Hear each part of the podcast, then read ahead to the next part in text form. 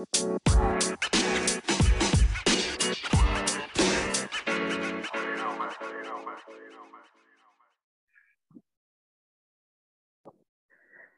og velkommen til en ny episode av Jordbrukspodden. I dag har vi vært så heldige å fått med oss leder av Småbrukerlaget, Tor Jakob eh, Solberg. Eh, du Tor Jakob, eh, nå er det jo litt feriemodus alle steder, men fellesferien er snart over. Det er mye som skal spikres i høst. Kan ikke du si litt om hva er det viktigste som Småbrukerlaget kommer til å bruke tida på utover høsten? her? Hva er det som er viktig for dere utover nå å få på plass? Ja, det er flere viktige saker, men eh, det er jo to saker som skiller seg ut uh, i særklasse. og Det ene det er jo rett tallgrunnlag. Uh, det har regjeringa lova at de skal komme med. Og det er jo vært noe som har vært et veldig søkelys i norsk jordbruk nå siden bondeopprøret. Og det er en helt klar forventning i hele næringa om at vi må ha et rett tallgrunnlag på plass. Vi ser også tydelig vil jeg si, etter jordbruksoppgjøret at mange bønder begynner å miste trua på jordbrukspolitikken og faktisk velger å avvikle, sjøl om vi har vært lova eh, jamstilling. Fordi at eh, den begynner å miste tilliten til at denne regjeringa faktisk mener dette her. Så det ligger et veldig stort ansvar eh, på regjeringa. Og det andre det er jo å få opp eh, nok, eh, norsk sjølforsyning. Og da er en opptrappingsplan av inntektene som eh, må til. Men det er klart også her i forhold til produksjonsmetode og hva vi skal spise blir også veldig viktig. Så det er de to viktigste tinga for NBS denne høsten her. Mm. Nå har vel statsråden eh, Sandra Borch eh, sagt at det her skal komme på plass i høst. Men eh, er vi trygge på at det her kommer på plass? Hun har jo også sagt at mye av den dialogen, spesielt i forhold til tallgrunnlag, skal jo utarbeides i samråd med næringa, og det vil i praksis si faglagene. Hvordan ligger dialogen? Har dere vært i mange møter og, og god dialog, eller eh, kan du si noe om hvordan prosessen er? Nei, I forhold til tallgrunnlaget så må jeg si at uh, jeg syns det er veldig synd at ikke jordbruket har klart å samles. da. Det er jo det som har vært egentlig den linja som, uh, som uh, i hvert fall jeg har ønska hele veien. At vi skulle klare å stå sammen i, i norsk jordbruk i forhold til hva som trengs. og det er, det er der vi egentlig mangler en god dialog og mangler en faglighet. vil jeg si, i forhold til den diskusjonen som har vært. For eh, vi jo, hadde jo Grytten-utvalget som eh, kom med en del eh, veldig gode prinsipper som de la til rette for, men så har det også store svakheter der da, som, som hele næringa er samla om i forhold til effektivitetskravet som legges inn i Grytten, blant. Da, sånn at norsk jordbruk er jo enige om at vi ikke ønsker den akkorden som blei foreslått av Grytten. Og så ønska NBS at vi skulle stå sammen i forhold til å få på plass et nytt uh, tallgrunnlag uh, som vi kunne stå felles om, og det har vi ikke lykkes med. Bondelaget ønska ikke å levere noe felles fra jordbruket, det, selv om vi inviterte til det. og Det syns jeg er veldig synd, for jeg er helt overbevist om det at hadde vi i norsk jordbruk stått samla der og levert en løsning som vi kunne gå god for, så hadde jo regjeringa hatt en mye lettere jobb. Da. Nå skal det sies at det er ikke så store Eh, store forskjeller. Det er noe forskjeller, men, eh, men, det er jo ikke så enorme forskjeller eh, i det jordbruket ønsker seg, enn at det er absolutt innenfor rekkevidde å klare dette her. Men dette handler om fag og ikke politikk, egentlig. og det, det er veldig viktig for oss som et faglag å være tydelig på at det er fagligheten i forhold til hva som er økonomisk rett, som skal styre det vi mener, og ikke hva vi tror politikerne tenker er OK. For det, er den linja der som har ført oss lenger og lenger vekk fra det som uh, gjør at vi er satt i stand da, til å fornye oss sjøl som næring. Hmm. Uh, etter å komme inn litt i toppen på organisasjonene, du har jo vært tillitsvalgt litt lenger ned i systemet og engasjert i jordbrukspolitikken over lang tid, men nå som du er inne i man skal si, i, i toppen. Altså, vi er jo et veldig godt organisert jordbruk. Vi har jo organisasjoner innenfor de forskjellige produksjonene. Og vi har to faglag, vi har samvirker. Men hvordan er det her, oppfatter du samspillet på å levere politiske løsninger fra faglag, samvirker osv. til politikerne? Er, er, vi dyktige nok der til å levere gode løsninger, sånn at politikerne på en måte får noe ferdigsydd, f.eks. selvforsyningsplan, jamstillingsplan og andre ting? Hvordan oppfatter du det? Der er vi helt på bærtur i norsk jordbruk. og det Ansvaret for det det mener jeg ligger på noe av det som ble valgt å gjøre bl.a. i Norsk Landbrukssamvirke for noen år siden, der de valgte å gå vekk ifra at de skulle drive med jordbrukspolitikk. Eh, for eh, i praksis da, så har norsk landbrukssamvirke det har endra seg fra at en skulle prøve å ha en felles policy om en del spørsmål, til at det egentlig er alle skal jobbe hver for seg. Og at det er eh, faglaget, altså Bondelag og NBS, som skal jobbe med landbrukspolitikken. Og så skal samvirkene ikke driver med politikk, men driver med butikk. Men det som skjer er at de driver jo og flyr i gangene og påvirker allikevel. For det er jo helt logisk at det, det, står for mye på spill på det for dem til at de kan la være å holde fingra av fatet fra politikken. Og jeg syns det er helt naturlig at de skal ha sine meninger om det, og at de prøver å påvirke politikere. Det er helt greit. Men det som er synd, er jo at vi er veldig lite samsnakka om hvilken langsiktig strategi vi faktisk ønsker oss. Og det er noe som jeg tok opp nå på sist eh, årsmøte i, i Norsk Landbrukssamvirke, at vi trenger faktisk møteplasser der vi kan diskutere landbrukspolitikk internt. Ikke nødvendigvis for at vi skal kommunisere så mye politikk ut, men vi trenger disse gode plassene å diskutere politikk og veivalg for norsk jordbruk. Og det er jo faktisk sånn at det kanskje er en styrke at vi ikke er enige i alle sakene. For eh, det er jo da vi klarer å utvikle ny politikk. Men eh, sånn det fungerer i dag, så mener jeg det er et eh, dysfunksjonabelt norsk jordbruk som faktisk ikke fungerer særlig godt. Og vi ser jo det også veldig tydelig i forhold til det at samvirkene, så lenge de skal jobbe for seg sjøl så vil jo de hele tida jobbe for hva de mener er riktig sett fra industriståsted, vil jeg si. da, og Det så vi jo også med noen uttalelser fra noen topptillitsvalgte Tine som sa det at de representerte industrien. da, eh, og det er klart at Hvis du som tillitsvalgt til Tine mener at du industri, eh, representerer industrien, men ikke bøndene eh, også, da har du et ubalansert syn, sånn jeg ser det. For det er jo det som er samvirkene våre, at det er jo ikke bare industri og de interessene der som skal vinne. Det er jo faktisk det at vi skal sikre bøndene en akseptabel økonomi over hele landet, som er grunnleggende samvirkepolitikk. Og den mener jeg ligger veldig lavt prioritert nå, da. Så det virker liksom som at vi er på et veldig dårlig sted nå, men jeg tror absolutt at det er muligheter for å bygge en ny, ny, og god måte å jobbe med landbrukspolitikken i Norge. Men sånn det er i dag, så vil jeg si at vi har en dysfunksjonabel landbrukspolitikk sett fra faglaga og samvirkene sin side. Da. Og jeg mener at det er en ukultur også der vi ser på tillitsvalgte som stiller kritiske spørsmål som et problem i mange tilfeller, mens eh, egentlig så er det jo faktisk mangel på faglig gode diskusjoner som, eh, som egentlig gjør at vi kommer eh, verre og verre ut å kjøre, sånn jeg ser det. da. Mm. Men litt i forlengelsen til det spørsmålet. Nå vet vi jo det at ja, jeg husker ikke det på 50 år. Vi har gått fra 120 000 bønder til rundt 35 000 pluss. Trenger vi egentlig to faglag? Er det behov for det?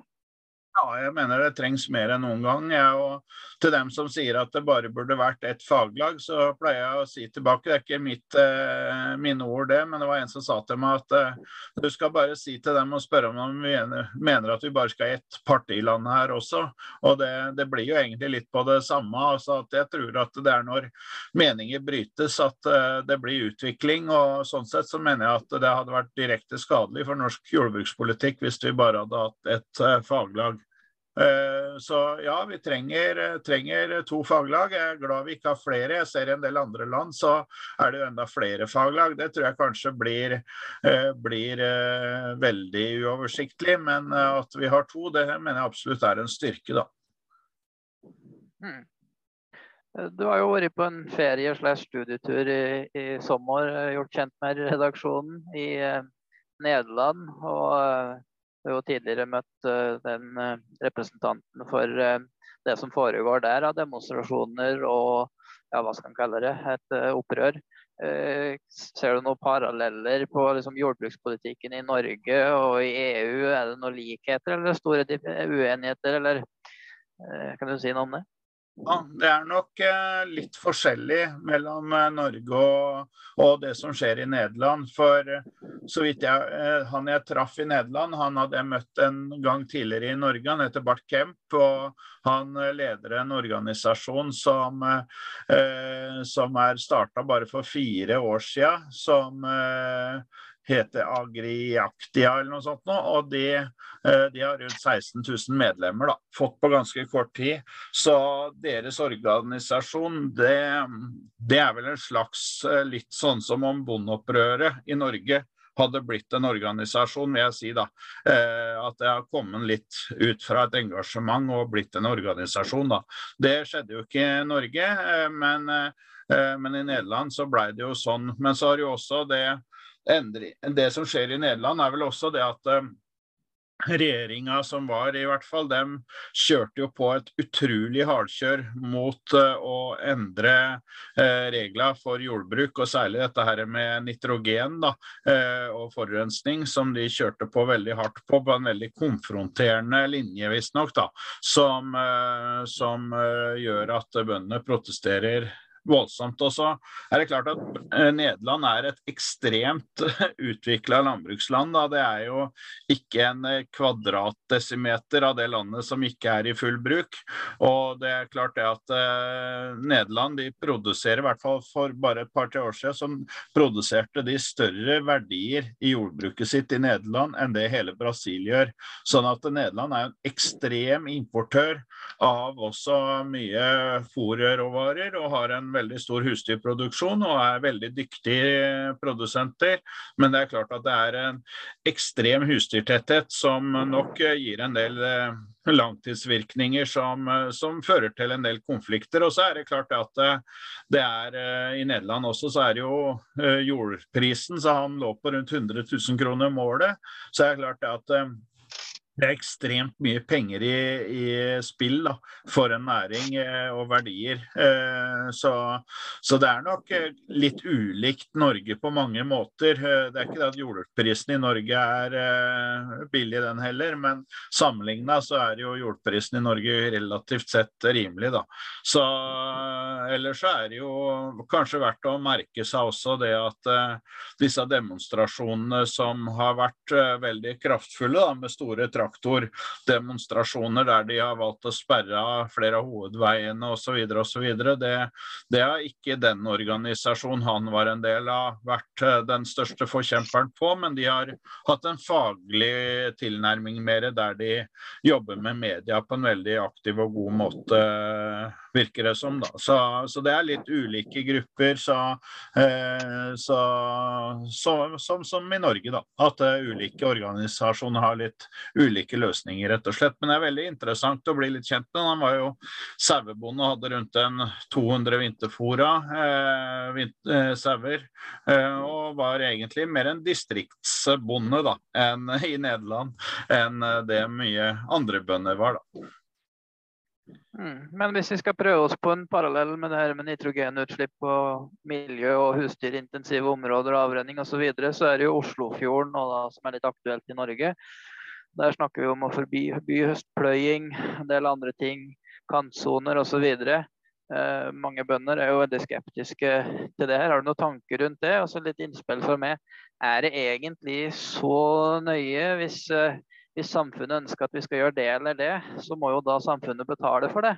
Og Så lenge bonden har da samme lønnsomheten i bånn eller bedre lønnsomhet i et som før, er det egentlig så nøye om vi får noen nye krav om å vårpløye da?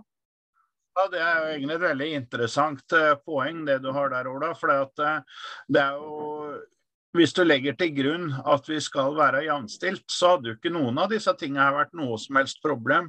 Og jeg ser jo også det at det diskuteres en del i forhold til nye dyrevelferdskrav f.eks. Og det også hadde jo vært eh, sannsynligvis en helt annen vilje til i næringa å kunne gjøre endringer fordi at en hadde hatt økonomi til å gjøre det. Så dette som Anders Bakke Klemoen uh, egentlig sa uh, i forhold til dyreverns, uh, eller disse nye kravene i forhold til dyrevelferd, så du kan egentlig innføre ganske mye forskjellige krav så lenge nåverdi er lik null, altså at staten tar regninga. Poenget her er jo det at staten dytter regninga over på en næring som tjener 212 000 i året, og som er i full oppløsning i deler av landet, og særlig eh, en del av det som har med distriktsproduksjon. Da, så, så, ser vi jo nå hvordan det rakner i, i mange deler av landet. og og da vil jo sånne krav eh, selvfølgelig bli, bli kjempedramatisk eh, tilleggskrav uten at det er finansiert. Så dette er egentlig ikke så veldig vanskelig. Det er eh, Hvis staten eh, vil behandle oss på en ordentlig måte, så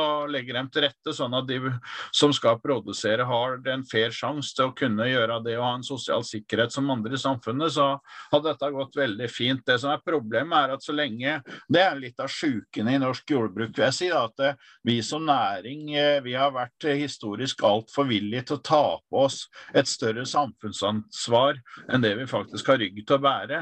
Og det må vi være ærlige på, at eh, vi som næring eh, vi, og som organisasjon så må vi prøve å se næringa som helhet. Og sjøl om du som tillitsvalgt, en del tillitsvalgte klarer seg helt fint, så skal du også representere en del eh, en del medlemmer, typisk, og eh, også andre bønder, som er i en helt annen økonomisk situasjon. og Det syns jeg ofte blir glemt. da, for Selv om du sjøl klarer deg greit, så betyr ikke at det er greit for medlemmene dine. og Det er eh, faktisk veldig viktig. og Det, det er en av de tinga som jeg merker meg altså opp gjennom åra. Altså, vi har en god del å gjøre i forhold til å bygge en sunn organisasjonskultur. og En som sa noe veldig klokt en gang, det var han Jørn Holene, som var i, var i Felleskjøpet. Han sa på et kurs jeg tok for 15-20 år siden, eh, da jeg begynte som tillitsvalgt i mm, Felleskjøpet, var vel det? Eller om det var i Ja. Og da sa han det at eh, aldri glem dem du representerer, dem som har valgt deg inn. Og det tror jeg er litt viktig, og det trenger jeg også hjelp til å bli minna på. Det er viktig i alle organisasjoner at en husker på at en skal representere sine egne medlemmer som faktisk har gitt deg tillit, og, og prøve å uh, se deres synspunkt på ting, og ikke bare uh, gå etter det du tror dem du skal diskutere med, setter pris på at du mener. Da. Så, her, uh, så det der å holde huet kaldt, altså huske på hvem du faktisk skal jobbe for, det, det er veldig viktig. Og der også er jo, vil jeg si, et stort problem i norsk jordbruk, og det er jo i og for seg det at en stor del av jordbrukspolitikken styres uh, av, uh, av, organisasjoner som er veldig avhengig av uh, gode forsikringsavtaler. og det, det, tar fokus vekk fra å levere på politikken. og Sånn sett så mener jeg at det, det er helt lovlig å ha avtaler for faglagene med forsikringsselskap. Men det er faktisk ganske spesielt da, at eh, når det største faglaget har en supergod forsikringsavtale som er veldig vanskelig å matche for andre, så setter de faktisk premisset for mange eh, at de gjennom det faktisk kan levere på en svakere politikk enn om de ikke hadde hatt den avtalen. og Det, det gjør at vi må være enda flinkere i NBS til å gjøre, eh, være gode i vår politikk. Men det er faktisk sånn at eh, sånne ting som en forsikringsavtale faktisk er med å styre litt om hvordan norsk jordbruk endrer seg, det mener jeg er prinsipielt veldig betenkelig. da. For det er det som faktisk skjer i dag. Jeg er helt sikker på at eh, NBS hadde hatt veldig mye flere medlemmer hvis ikke det hadde vært for den avtalen som vi ikke har. Mm. Litt tilbake til det med samarbeid, og, og du er jo litt innom det, så kommer nye krav. Nå hadde jo Rødt sin landbrukspolitiske talsperson som var ute her om dagen, var vel før helga, jeg husker ikke helt, eh, i forhold til at alle griser skulle ut øh, osv. Um, hvorfor tar ikke da f.eks. du eller Bondelaget eller Nortura opp telefonen, ringer til hverandre, og så får man da en en ansatt å sette seg og regne på ja, hva, hva koster det her. Hva slags konsekvenser har det for klima miljø, utslipp, avrenning, og sette noen tall på det. Og så kaste et regnestykke ut tilbake og utfordre dem eh, når det kommer sånne uttalelser. For da snakker vi om ganske drastiske grep som har betydelige kostnader for produsenter og samfunnet, og som faktisk fører til dårlig, kan føre til dårligere dyrevelferd, selv om det skal være bedre dyrevelferd. Og spesielt det med klima og miljø og bærekraft som blir dårligere. Hvorfor er man ikke mer på eh, i et sånt samarbeid og svarer ut sånne ting kjapt med tall og fakta, og viser liksom realitetsorienterer sånne politikere litt? Nei, det, det, burde vi sikkert vært enda mer på. Jeg jeg mener jo det at det som Rødt svarer på der, det var vel i og for seg ikke noe sånn veldig, veldig gjennomarbeida politikk fra Rødt sin side. Det var mer en kommentar om et langsiktig mål i det fjerne. Det som var interessant, og kanskje som jeg har tenkt på en del etterpå, det var jo det at eh, i vinter så hadde jo Nortura et sånn frokostseminar om dyrevelferd i, i griseproduksjon eh, på Litteraturhuset. Det var veldig interessant. og Der var jo han uh, Øystein Heggedal og Live, Live Klevland var det vel som presenterte litt om hvordan de så på ting. da.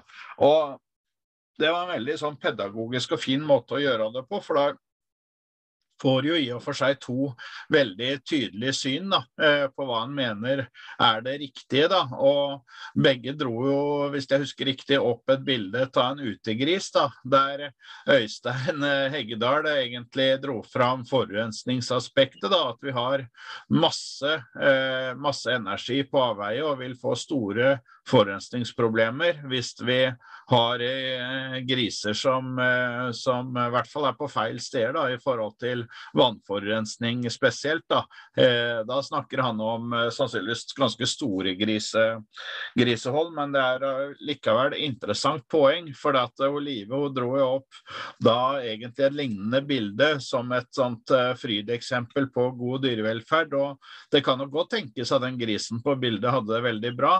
Det, det er ikke tvil om, men det er i hvert fall viktig å se ting litt i sammenheng. da, Om at hvis all grisen i Norge skal ut og bli frilansgris, så vil vi jo eh, sannsynligvis måtte tenke annerledes i forhold til griseholdet og være enda bedre bevisst på hvordan eh, ikke vi får næringsstoffet på avveier. Da, og typisk eh, ref eh, det Oslofjord-problematikken, så kan vi godt løse ett et eh, problem på én måte, men så har vi skapt to andre eh, i neste omgang igjen. Så, så, vi er jo absolutt positive til tiltak som kan bedre dyrevelferden. Og, men det er viktig å, å, på en måte ha en faglig god diskusjon der en ser kost-nytte og hva som faktisk gir best effekt. Og, og, så er det jo også sånn at en del eh, av disse frilans- eh, eller utendørsproduksjonene, dem, dem, kan jo ha veldig mye positivt med seg, men det er også en ganske krevende produksjon for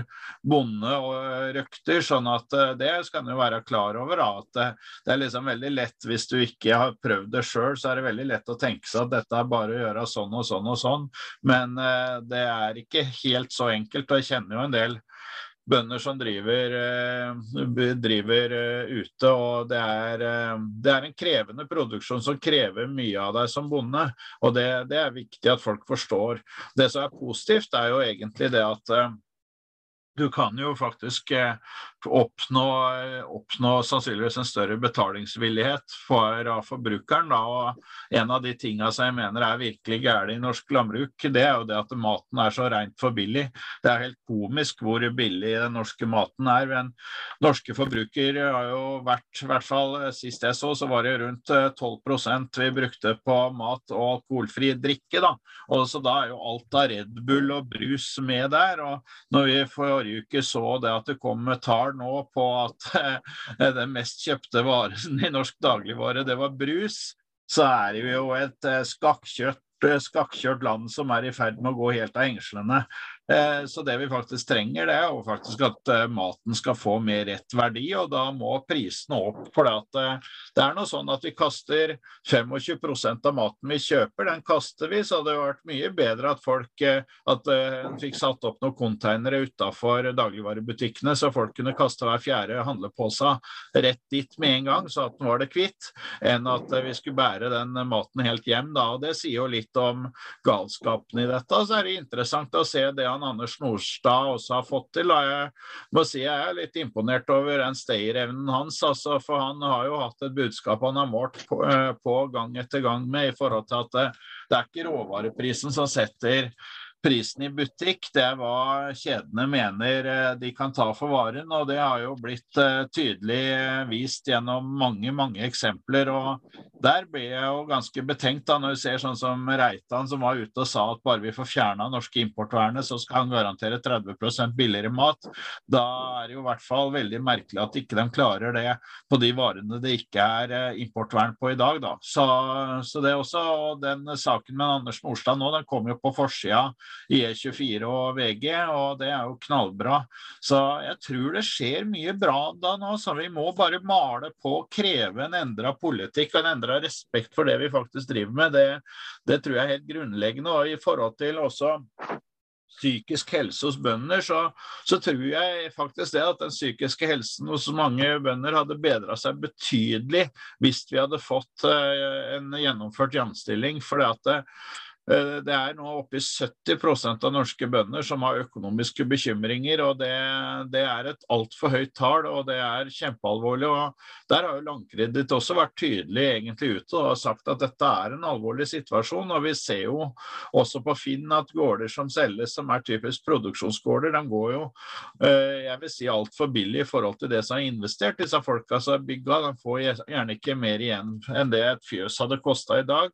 Og de mister egentlig mye av egenkapitalen sin i mange tilfeller. altså Summa summarum så er det, det er uh, veldig viktig å få opp uh, respekten for uh, matproduksjon her i landet. og den, Det tror jeg absolutt er mulig, og det er jo det vi har starta på nå. At vi, vi skal sannsynligvis måtte ha en forståelse for at maten må koste mer enn i dag. Punktum. Men, men vi har jo utfordra andre jordbrukspodden her på det her med pris ganger volum, da, som en aktør ofte nevner. Eh, og Da snakker de om at da vil volumet gå veldig ned hvis prisen går opp. Men er ikke premisset der litt feil? Er ikke volum en konsekvens av varens pris? Og at volumet nå er faktisk da litt for høyt hvis varen er underprisa? Uh, er det noen tanker om det? Er det kritisk hvis volumet går ned med 5% hvis bøndene tjener penger på det de leverer? Nei, det er ikke kritisk. og det de sier Pris ganger volum det er en helt ko-ko måte å fremstille det på. for det, Da tar du ikke hensyn til at kostnadssida også er elastisk i forhold til eh, produsert enhet. Så hvis, hvis, det var sånn at alle kostnader i en produksjon var faste kostnader, så var det jo i og for seg sant. Men det er også en god del variable kostnader. Og så er det ikke tvil om det at eh, når du detter døtter gjennom ekstra volum eh, gjennom en produksjon, så er det også sånn at det gir ikke topp effekt i enhver situasjon å døtte gjennom mest mulig. Så det er en, eh, en, veldig merkelig måte å presentere en virkelighet på som jeg ikke klarer Altså det er altfor enkelt å si det er pris ganger volum, for det at eh, du har det er en ligning som ikke henger sammen. For du har en kostnadsside og du har en helhetsside der sånn som, som du ikke har tatt hensyn til da. Og så er det jo veldig alvorlig, vil jeg si også også når det kommer fram sånne saker som at eh, Tina har prøvd å jobbe aktivt for at eh, en del, eller at i hvert fall én produsent det sto om i media nå, disse geitebøndene i Trøndelag skulle avvikle produksjon, så er jo det selvfølgelig helt sikkert et økonomisk regnestykke det i forhold til transportavstander og en og andre, men det er et helt feil premiss når du er markedsregulator og skal hente mjølk i hele landet, så må du hente mjølk i hele landet. Og det blir helt feil å starte å straffe folk etter hvor et meieri har blitt uh, lagt, uh, lagt, ned, så lenge det er en vare som det er markedsregulering på. Da. Uh, I forhold til det som skjedde i Trøndelag nå med kyllingen, så så er det jo ikke markedsregulering på den måten på kylling. Det er jo en kontraktsproduksjon, men det er kjempealvorlig for de bøndene og egentlig hele jordbruket i Trøndelag, det som skjedde. Men det, jeg må jo si at jeg er litt enig i dem som faktisk sier at det er et resultat av villa politikk, der en slipper løs markedskreft markedskreftene. og da er det sånn at eh, Hvis ikke samvirket klarer å matche de mest effektive konkurrentene, så, så, vil de tape totalt sett. og Det er det vi ser egentlig skjer nå. Da, at uh, samvirket må klare å produsere billigere enn det de gjør i dag. og Da, da går det utover at det ikke lønner seg å bygge det slakteriet i Trøndelag. Eh, det er i hvert fall det inntrykket jeg har at skjer. og Det er veldig synd, for at dette kunne løs, vært løst hvis vi hadde hatt en mer aktiv politikk. da. Mm. Eh, nevner jo de kyllingprodusentene. Vi i Jordbruksbåten har jo snakka en del om kapitalavkastning og at det er en del risiko med å drive jordbruksproduksjon. Og så er det en del som påstår at risikoen er ganske lav i jordbruket fordi du har en del støtteordninger og du har mottakere som skal ta imot varen osv. osv. Men hva tenker du om risikoen ja, for de kyllingprodusentene? Det var jo snakk om folk som nettopp har investert ganske stort det seneste året og så mister egentlig produksjonsapparatet nesten all verdien. Hvordan ser du risikoen ved å satse og investere i, i jordbruket i forhold til andre næringer? Nei, Det er jo utvilsomt at risikoen er uh, veldig høy for noen uh, produsenter. Uh, men vi vet heller ikke hvilke produsenter som risikoen vil øke eller synke for. For det er jo helt avhengig av hvilken politikk som føres. Og du kan si at sånn som for storfeprodusentene nå, da, som, nå som det bygger seg opp et lager på både gris og storfe, så lenge vi ikke har effektive verktøy for å hindre at det bygger seg opp. Så eh, uten å ta ned økonomien drastisk, så, så, er det klart at da har du en kjemperisiko nå for at uh, vi får uh, virkelig uh, både tøffe tilbakeslag i de produksjonsøkonomiene der, men også at vi kan få konkurser. Da, og det, det, er jo egentlig det som vi kanskje også vil se snart konturene av. Da tror jeg at vi vil få en depresjon der faktisk kvoteprisene synker ganske mye. Og det har vi jo sett allerede nå i noen fylker, at kvoteprisene er i ferd med å synke flere kroner. og det, det er jo et tegn på at uh, de bøndene som er igjen, de har kanskje ikke evne, men heller ikke tro på at de vil klare å tjene noe særlig på å produsere mjølk, og da blir interessen nedsynker. Og så må jeg si det gjør utrolig inntrykk på meg når Blant annet her om dagen da, så, så jeg en bonde som, som jeg snakka noen ganger med, da, som er en veldig dyktig person, uh, har jeg absolutt inntrykk av, som legger ut kvota til salgs. Det er vel tre-fire år siden han bygde fjøset sitt.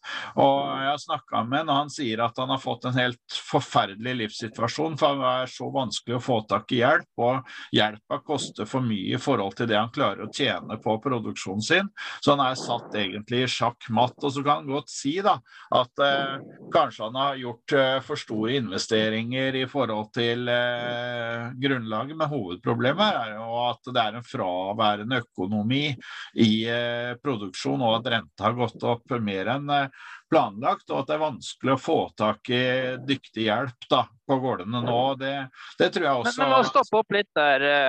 For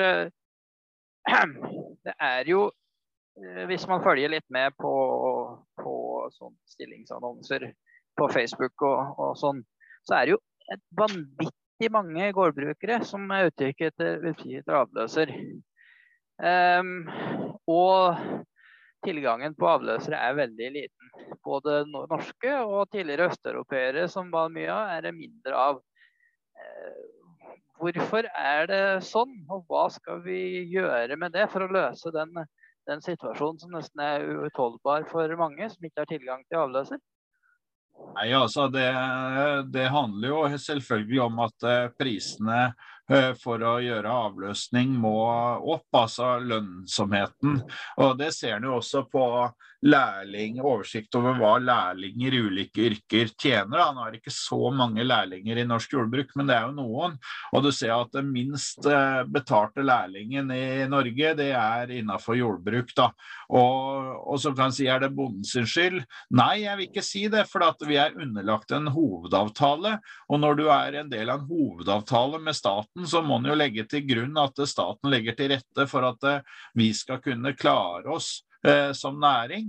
Men sånn som det er i dag, så, så, mener jeg egentlig at det forslaget som NBS hadde i forhold til eh, Grytten, er egentlig mer og mer fornuftig. At vi skal legge inn vår egen arbeids kostnad som en eh, kostnad før eh, overskuddet i norsk jordbruk skal beregnes, fordi at eh, vi setter altfor lite i dag verdi på vårt eget arbeid. Og det igjen gjør at når vi må leie inn ekstra mye innleid arbeid, så er det ikke noe økonomi igjen i praksis i hele tatt.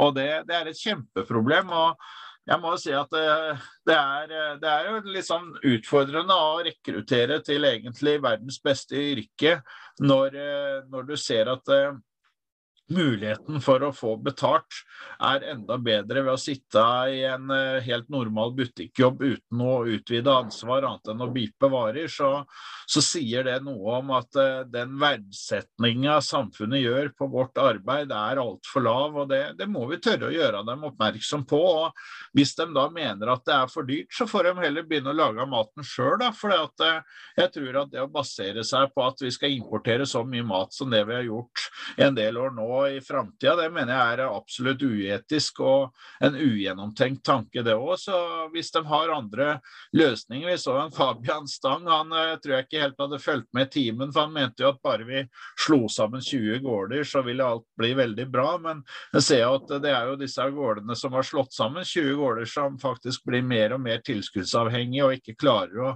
tjene penger dem heller. Da. Sånn eh, at det er ganske tankevekkende. Da ser det jo ut som eh, sånn som her i Østfold nå. Bare i år så ser det vel ut som det er to robotfjøs som avvikler produksjon. og Det ene er jo et av Norges største fjøs. da, og det, og det er eh, bare her i Østfold så tror jeg jeg veit om nå en seks seks robotfjøs som er avvikla de siste åra. Og det vitner jo egentlig om en næring i en total krise, når folk egentlig kommer i den fasen at de faktisk burde begynne å tjene skikkelig med penger, og så velger de heller å avvikle for at det lønner seg mer. og Det, det ser jeg jo egentlig nå sjøl for egen gårdsdrift. at uh, Vi hadde møte med regnskapsføreren her om dagen og gjorde årsoppgjøret. og og jeg hadde sannsynligvis sittet igjen med akkurat det samme om jeg hadde leid bort kvota jorda og husene mine til lager, altså ikke jobba som det å drive gården. Sjøl nå har jeg mye innleid hjelp nå som jeg jobber i Norsk Bonde- og Småbrukarlag, men allikevel så sier det noe om at uh, den oppsida da, du har som bonde, den er uh, altfor marginal, i hvert fall i en del produksjoner per nå. Og så registrerer du at det har vært noen produksjoner som har hatt det litt bedre, men, uh, men det har de jammen fortjent. Så her er det ikke snakk om egentlig et mål om å ta noen ned, det er å løfte i bånn. Det er det, det det handler om. Men uh, mange bønder har det jo veldig greit òg, sier de. Og trives med å jobbe mye for lite trenger egentlig staten å betale noe mer da. Og det er jo færre som slutter nå enn før. Før var det vel to som slutta om dagen. Nå er vi nede i litt over ett gårdsbruk per dag. Er ikke det et tydelig tegn på at uh, bønder har det noenlunde greit å klare seg? Hvorfor skal staten betale noe mer hvis uh, bonden syns vilkårene er akseptable? Ja, nei, Det er et veldig godt spørsmål. og Det kan en se på egentlig i forhold til Innovasjon Norge nå, da, der en er nødt til å eh, kunne se på å gi oppi halvparten av støtta for noen år siden så var det jo 25% kanskje, eller maks 30 som en fikk i Innovasjon Norge-støtte, mens nå så har de dratt opp i 50% og noen eh, tilfeller over det igjen, for å få folk til å eh, bygge. og Det viser jo på en måte det at det, er en vilje i samfunnet til at vi skal gjøre jobben, men vi bare ikke betaler oss for å gjøre det. og da, Jeg regna på eget bruk da når jeg Eh, bygd ut her sånn. Så, så, hvis du tenker en jeg tror det var en 25 års eh, tid, så var den støtta jeg fikk fra Innovasjon Norge når jeg bygde i 2010, den uh, utgjorde jeg tror det var 17 øre mjølkeliteren. Uh, og det kan godt si da, at da har egentlig gjennom Innovasjon Norge så har jo dem Det er jo jeg som er ansvarlig, så det er jeg som må stå for de valgene jeg har gjort. Men det er jo rasende billig for staten å gi Invasjon Norge-støtte da, eh, i forhold til å betale for eh, mjølkeproduksjon. For det at 17 eh, øre melkeliteren er jo ikke mer enn halvparten av elitemjølktillegget var ca. Sånn at det er jo egentlig eh, nesten uvesentlig, men det er nok til å få folk til å gjøre eh, investeringer som egentlig ikke fører til at de eh, kan eh, komme i en økonomisk jamstilt situasjon, da, for at lønnsomheten er for lav i forhold til investeringene. Og det, det er jo veldig betenkelig. Så det er jeg jo veldig opptatt av at vi i Norsk Bonde- og Småbrukarlag i hvert fall skal jobbe hardt for å hindre at det blir bygga fjøs på eh, feil økonomisk grunnlag.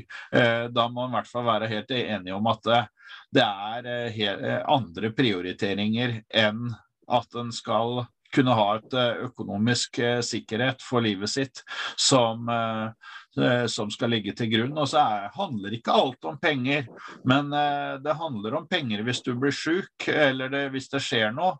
Og hvis du får noen barn som skal videre i livet, så handler det faktisk litt om penger. Så vi kan ikke være den eneste næringa i landet her som faktisk eh, velger å si at yrket vårt er så fint at vi vil frastå å ha pensjonsrettigheter som andre i landet her. Det nekter jeg å være med på. Det, det er jo også sånn at jeg har jo snakka med ganske mye folk de siste par-tre åra. Jeg vil si de såreste telefonsamtalene jeg får fra folk, det er jo ikke de unge bøndene. Det er de bøndene som er, er i 55-60-åra, som første gang i livet opplever å ikke kunne gjøre opp regninga si.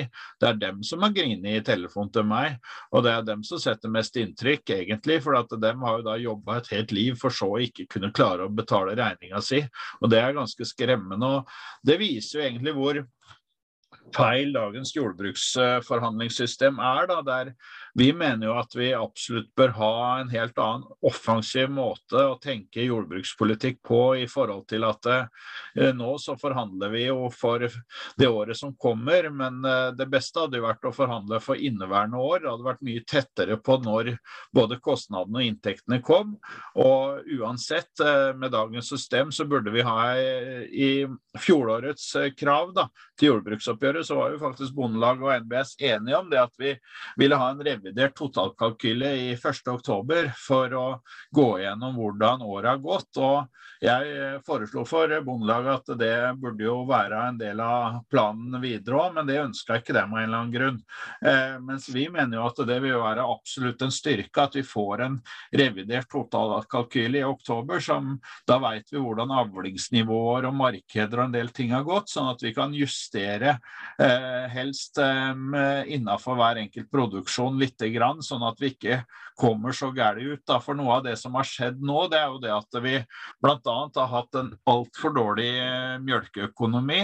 Og det at vi har hengt igjen på mjølkeøkonomien, eh, det, det er noen som sier at det er det store mjølkeranet. Og det, det kan jeg til en viss grad skjønne. for at eh, mjølk har ikke fått det de skulle ha. Og så, når en skal kompensere det, så har det blitt smørt utover alle.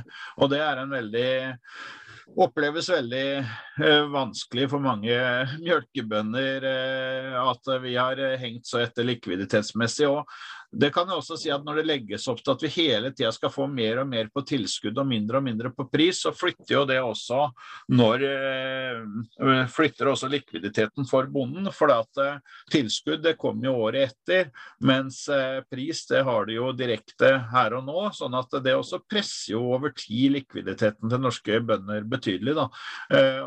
Og så kan du si også dette med renteutgifter. altså Når renta nå begynner å stige ganske betydelig, så har det jo også vært vært et prinsipp i jordbruksforhandlingene at eh, bøndene får jo eh, trukket ifra den eh, fordelen det er når renta Eller staten har jo passa på å trekke inn den fordelen det er når renta har gått nedover. Men når renta nå går oppover, så er jo dette snakk om enorme summer. Og det at eh, vi har eh, Vi må faktisk få løst eh, det som heter effekt av finansiering. Fordi at eh, hvis det er sånn at norsk jordbruk ikke skal få en gang dekka de nominelle rentekostnadene sine, så vil jo jo spesielt de produksjonene som har, må fornye seg og har en høyere gjeldsbelåning, de vil komme helt krisedårlig ut. Da. Det kan se greit ut på papiret, men i virkeligheten så kommer jo disse produksjonene elendig ut. sånn at eh, her er det veldig mye å ta tak i, rett og slett. Men en liten påstand fra meg. da. Jeg føler jo at de alltid er på etterskudd i norsk jordbruk. Andre næringsutøvere, de er i hvert fall de fleste, i forskudd. Altså, nå hadde vi jo covid, kjempemuligheter for å selge norske produkter. Ingen dro til Syden, mulighet for å øke prisene skikkelig. Eh, inflasjonen hadde jo ikke begynt ennå da. Det klarte vi ikke å nyttiggjøre oss av. Så kommer det to jordbruksoppgjør der vi bommer så det synger på, på kostnadssida og presser likviditeten. Og i år òg ser det vel kanskje ut som at man bommer litt òg, litt usikkert ennå. Men eh, er du enig i at vi er litt for sene eh, hele tida? Kommer litt på etterskudd? Ja, og det er jo akkurat det jeg snakka om også. ikke sant? At løsningen på det kan enten være å forhandle på inneværende år, eller at vi i hvert fall i det minste får en revidert totalkalkyle som gir et, eh, et eh, godt innblikk i hvordan vi ligger an inn i det neste året. da. Fordi at ja, det som hele tida er problemet her, at vi kommer lenger og lenger på etterskudd. Og så kan du si at når vi da må ha justeringer, da, så blir det sett på som en gavepakke til oss. Altså, det er jo helt ko-ko. Dette er jo vilkår som vi har forhandla oss fram til. Vi så jo det jordbruksoppgjøret i år. Det var liksom Ja, vi skal være skikkelig fornøyd med at vi får dekka opp de forutsetningene som ikke har blitt gjennomført i, i, i forrige avtale. Altså, det, jo, det, skulle jo være en selvfølge. Jeg tror det ikke er noen andre i samfunnet som kan finne seg i å se på det som seier. Det burde jo være en selvfølgelighet. Og, og i, vi er altså vært for snille. Og så er det noen som sier kanskje burde vi begynne å spare opp til streikekasse da, i forhold til å kunne sette mer hardt mot hardt. Og en ser jo at det er jo det som faktisk gjør at eh, LO og andre har muligheten til å sette hardt mot hardt, at de har en streikekasse. Eh, kan kan hende at det er der. Er det sånn at prinsipielt så er det noe feil i det avtalesystemet for jordbruket? Fordi om vi hadde hatt ei streikekasse, altså om vi hadde spart oss opp noen penger i fellesskap, så hadde ikke det hjulpet oss nå om vi hadde tømt ut mjølka. Da har man bare henta inn de varene fra andre steder. Og så har vi ikke klart å lage en stor nok streikekasse uansett, for det har vi ikke økonomi til. Og det er vel fram til da har vi egentlig et ris bak speilet i de forhandlingene? Har vi noen reell forhandlingsrett når vi ikke har streikemuligheter eller andre sanksjonsmuligheter? Nei, og du kan si at uh, i arbeidslivet ellers er det jo Riksmegleren som kommer inn uh, og tar over meglinga uh, hvis den ikke kommer seg videre. mens i jordbruket, når vi forhandler rett med staten, så er det jo ikke tvil om det at det er jo jordbruket her som er den svake part som har mest å tape. Og eh, av en eller annen grunn så er det vi som taper mest. Og det er noe sånn det er. Og du kan si at uh, det er ganske tydelig da, når vi har drevet med dette i 73 år og uh, median norske jordbrukere tjener 212 000, så er jo det absolutt, absolutt et godt tegn på at dette har vært mislykka for norske bønder og veldig vellykka for staten. Da. og det er jo der vi trenger en bedre dual lojalitet. Vi skal ikke misbruke vår posisjon nå eh, mer Eller vi skal ikke misbruke den i hele tatt, eh, men vi må faktisk kreve vår rett i forhold til at eh, vi må være en del av det norske samfunnet. Og det er jo det jeg har snakka så mye om i forhold til vi spiser rundt samme bord. Det handler jo om to budskap. Det handler om at vi kan gjøre Norge til et mer rettferdig land eh, gjennom at vi skal ha et eh, system som gjør at vi norske matprodusenter har mulighet til å være en del uh, har sosial sikkerhet som andre, altså jamstilling på rett tallgrunnlag. Og, så handler det jo om uh, hvordan vi kan uh, spise og fordele verdiene bedre. Og, og der også handler det jo om hvordan vi kan skape en økt matberedskap gjennom at hvis vi spiser mer lokalt produsert mat, så vil vi ha eh, ha en høyere matberedskap enn hvis vi importerer. Så enkelt og så vanskelig er det. Og det, det må faktisk stå opp litt for oss sjøl og faktisk mene noe om det. Og det vil jeg si at det har vært en utfordring, vil jeg si. da, at eh, Vi har jo eh, vært veldig tydelige på at vi ønsker et riktig tallgrunnlag for å ha tillit til myndighetene, eh, og at vi skal forhandle på rett grunnlag. Og Og vi har jo også sett at Grytten-utvalget de henta ut skattetallene som viste 212 000 per årsverk. Og det at eh, ikke bondelagene vilt forholde seg til det i noe særlig grad, de har sagt det, de er ikke enig i det, har de sagt litt sånn mumlende. Men de har faktisk ikke sagt at, eh, hva de mener den norske bonde tjener. Og det syns jeg har vært veldig synd, for at det hadde, så lenge vi, eh, de forholder seg til et system som faktisk er feil, og de er enig i det, så kommer vi oss videre uten at dem faktisk tar stilling til hva de mener. og det hvis en tar utgangspunkt i det den spilte inn til Grytten, så er det vel i praksis enda verre enn 2-12 eh, i praksis. Eh, sånn at eh, her er det jo masse å gå på. Her må vi faktisk prøve å finne sammen i næringa. Og så kan det godt hende at jeg ikke fremstår som noe fredsstue, men det er jo fordi at det står så mye på spill. Og jeg var veldig frustrert over at ikke vi som næring kan finne sammen i denne viktige saken. Og det er ikke NBS det står på, det vil jeg virkelig ha sagt. Mm. Um, vi har jo nevnt det mange ganger, den gode regjeringsplattformen. Og så er det jo et faktum at nå er vi halvveis inn i den regjeringsperioden der den plattformen skal gjennomføres. Uh, punkt én, nå har jo Sandra sagt det at uh, her må vi se inn i neste stortingsperiode i forhold til uh, jamstilling. og så er det jo alle de her forskjellige punktene da, som er lista opp som vært gjennom. Men det står jo også at uh, det skal ses på det her med bedre markedsregulering. I praksis så vil jo det si produksjonsregulering. Uh, nå står vi i en situasjon igjen der vi har overproduksjon på svin, vi har overproduksjon på storfe. Vi har en veldig salgsnedgang, ganske markant. 5% på storfe og, og, stor nedgang på svin. Selv om produksjonen faktisk er ned. Um, du sitter i Omsetningsrådet, det er ikke sikkert du kan si alt som dere har diskutert der. Men Eh, man trengte jo ikke være rakettforsker for å skjønne det at salget av dyre stykningsprodukter, altså eh, storfekjøtt, kom til å gå ned når da folk har mindre å rutte med. Hvorfor er det ikke satt inn konkrete tiltak, f.eks. stimulering til lavere slaktevekter på storfe, samme på, på, gris på et tidligere stadium? Eh, nok en gang føler jeg at vi er sendrektige fra næringa sin del. Og hvorfor har ikke næringa presentert gode nye løsninger til staten i forhold til hvordan vi kan drive en bedre produksjonsregulering, så at vi kan faktisk tilpasse det markedet har behov for, og ikke produsere for mye. Spesielt egg, f.eks. har vi hatt overproduksjon i elleve år, og ikke klart å løse det her på lang sikt med sånn kortsiktige tiltak, litt sånn pisse i buksa-tiltak.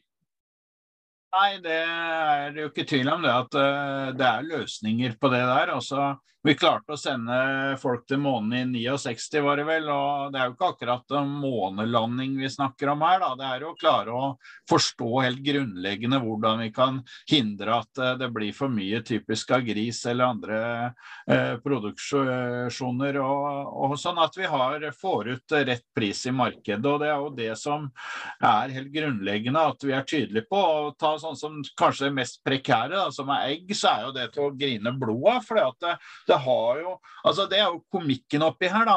At uh, regjeringa nå, de har jo i forrige periode, og særlig Senterpartiet ved Pollestad, latterliggjorde jo forrige regjering ved at de ikke tok tak i dette her og kalte dem det ene og det andre.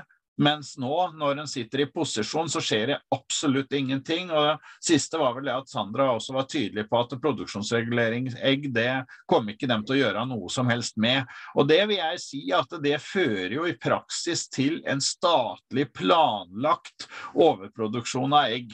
For nå er det så mange bønder som er i omstilling. Vi har pelsdyrbøndene, som for øvrig ikke har fått ferdig erstatninga si ennå. Og, og, og, det er jo helt håpløst. Og det er jo klart at det er en viss fare for at en del av de faktisk eh, ønsker å gå inn i en produksjon som eh, egg, fordi at eh, den er kraftfòrkrevende. Og det andre er jo det er jo eh, kontraktsproduksjon på kraftfòrkrevende unntatt grisen. Da, sånn at eh, det er, ville være rart hvis ikke noen gikk inn i egg. Og i tillegg nå det vi ser oppe i Trøndelag med kyllingprodusentene, så skal det jo overraske meg hvis det ikke blir noen eggbønder der òg. Og det er jo det som på en måte er så grunnleggende viktig nå, at vi, eh, vi skal jo ikke legge opp til permanente etableringshindre, men vi må legge opp til at det ikke starter opp flere fjøs enn det vi har marked for. Og det kan jo ikke være kontroversielt. Altså, her er det jo så ko-ko. Altså, vi importerer jo da en stor del av fôret til dyra våre i Norge. Det må vi være ærlige og innrømme at vi gjør. og Rundt halvparten av fôret blir jo importert. Eh, og så skal vi da gjøre dette om til egg, eh, og så skal vi knuse det og lage grisefôr av det. Altså, det er så totalt uetisk. Men det som også er en del av systemet her, er jo at det er bonden sjøl som betaler for det gjennom omsetningsavgifta. Når en må gjøre tiltak for å justere dette markedet, så hadde det vært sånn at eh, faktisk staten eh, burde jo tatt den regninga ved overproduksjon, all den tid de ikke setter oss i stand til å forhindre det. Og Der mener jeg at vi som næring har vært altfor snille med staten. For én ting er hvis vi har muligheten til å forhindre det, men så lenge vi ikke har fått verktøy til å forhindre det, så kan vi ikke ta den regninga. Det må vi gjøre et oppgjør med staten på. Og særlig nå når Senterpartiet sitter med landbruksministeren, og de har vært tydelige i Hurdalsplattformen også at de ønsker å se på dette her på en bedre måte. Da må den fader meg levere. altså. Og det, her, det er en udugelig politikk også i forhold til klima og utslipp. For det er jo ikke tvil om det at det, å produsere mat det, det, fører jo til at vi har utslipp. og å produsere en vare som skal knuses og destrueres, det kan jo være ikke noe annet enn molbo. sånn at det, her sånn syns jeg regjeringa har vært altfor bakpå. Og det er faktisk virkelig provoserende at det skal være så vanskelig å bruke litt sunn fornuft. Mm. Men øh, hvis vi tar et hypotetisk øh, spørsmål og tankegang her nå. Neste jordbruksoppgjør. La oss si at vi sitter inne med like mye svin og storfekjøtt som det ser ut som vi kommer til å gjøre nå utover høsten. Kanskje enda mer. Kanskje egg begynner å komme i overproduksjon igjen når de som er kjøpt ut skal inn igjen. Kanskje noen nye kommer. Kanskje sau blir det der òg. Hvordan er det for det som leder av et faglag og leder for mange av Norges bønder og skal gå inn og snakke med media og politikere og kreve i et hermetegn høyt beløp når vi produserer for mye av de varene? Nei, vi må jo fortsatt gjøre det. Vi må peke på løsningene for hvordan vi kan komme oss ut av det. Og det er jo det som på en måte er så alvorlig, at det står jo i norsk lov det at hvis du kjører forbi en ulykke og ikke gjør noe, så så er du faktisk ansvarlig og kan straffes. og Det er jo det jeg mener egentlig regjeringa gjør her. sånn At de kjører forbi et problem og later som det ikke er et problem. Mens eh, det er jo i praksis overimport. altså Det får aldri blitt overproduksjon på norske råvarer. Det er overimport av fôr og animalske produkter, og også kan være grønnsaker, da, som gjør at, eh, at vi får overproduksjon. Og alt det tilhører politikken. Sånn at eh, Politikken må jo bære det totale ansvaret for hva som skjer. For det, det er jo ikke sånn at det, eh, vi som næring kan settes krav til hvis ikke vi har verktøy til å forhindre det. Det kan ikke ligge oppe til hver enkelt bonde. Jeg ser Egeland i Norsvin er ute og sier at nå må vi i gang med en ny grisedugnad.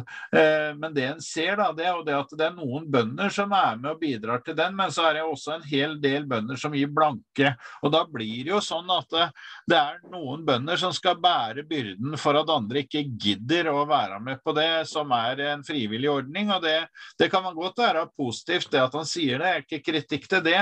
Men det kan ikke være sånn at norsk matproduksjon skal bæres av dugnad. altså Det ordet der det har ingenting med økonomiske realiteter å gjøre, i hvert fall.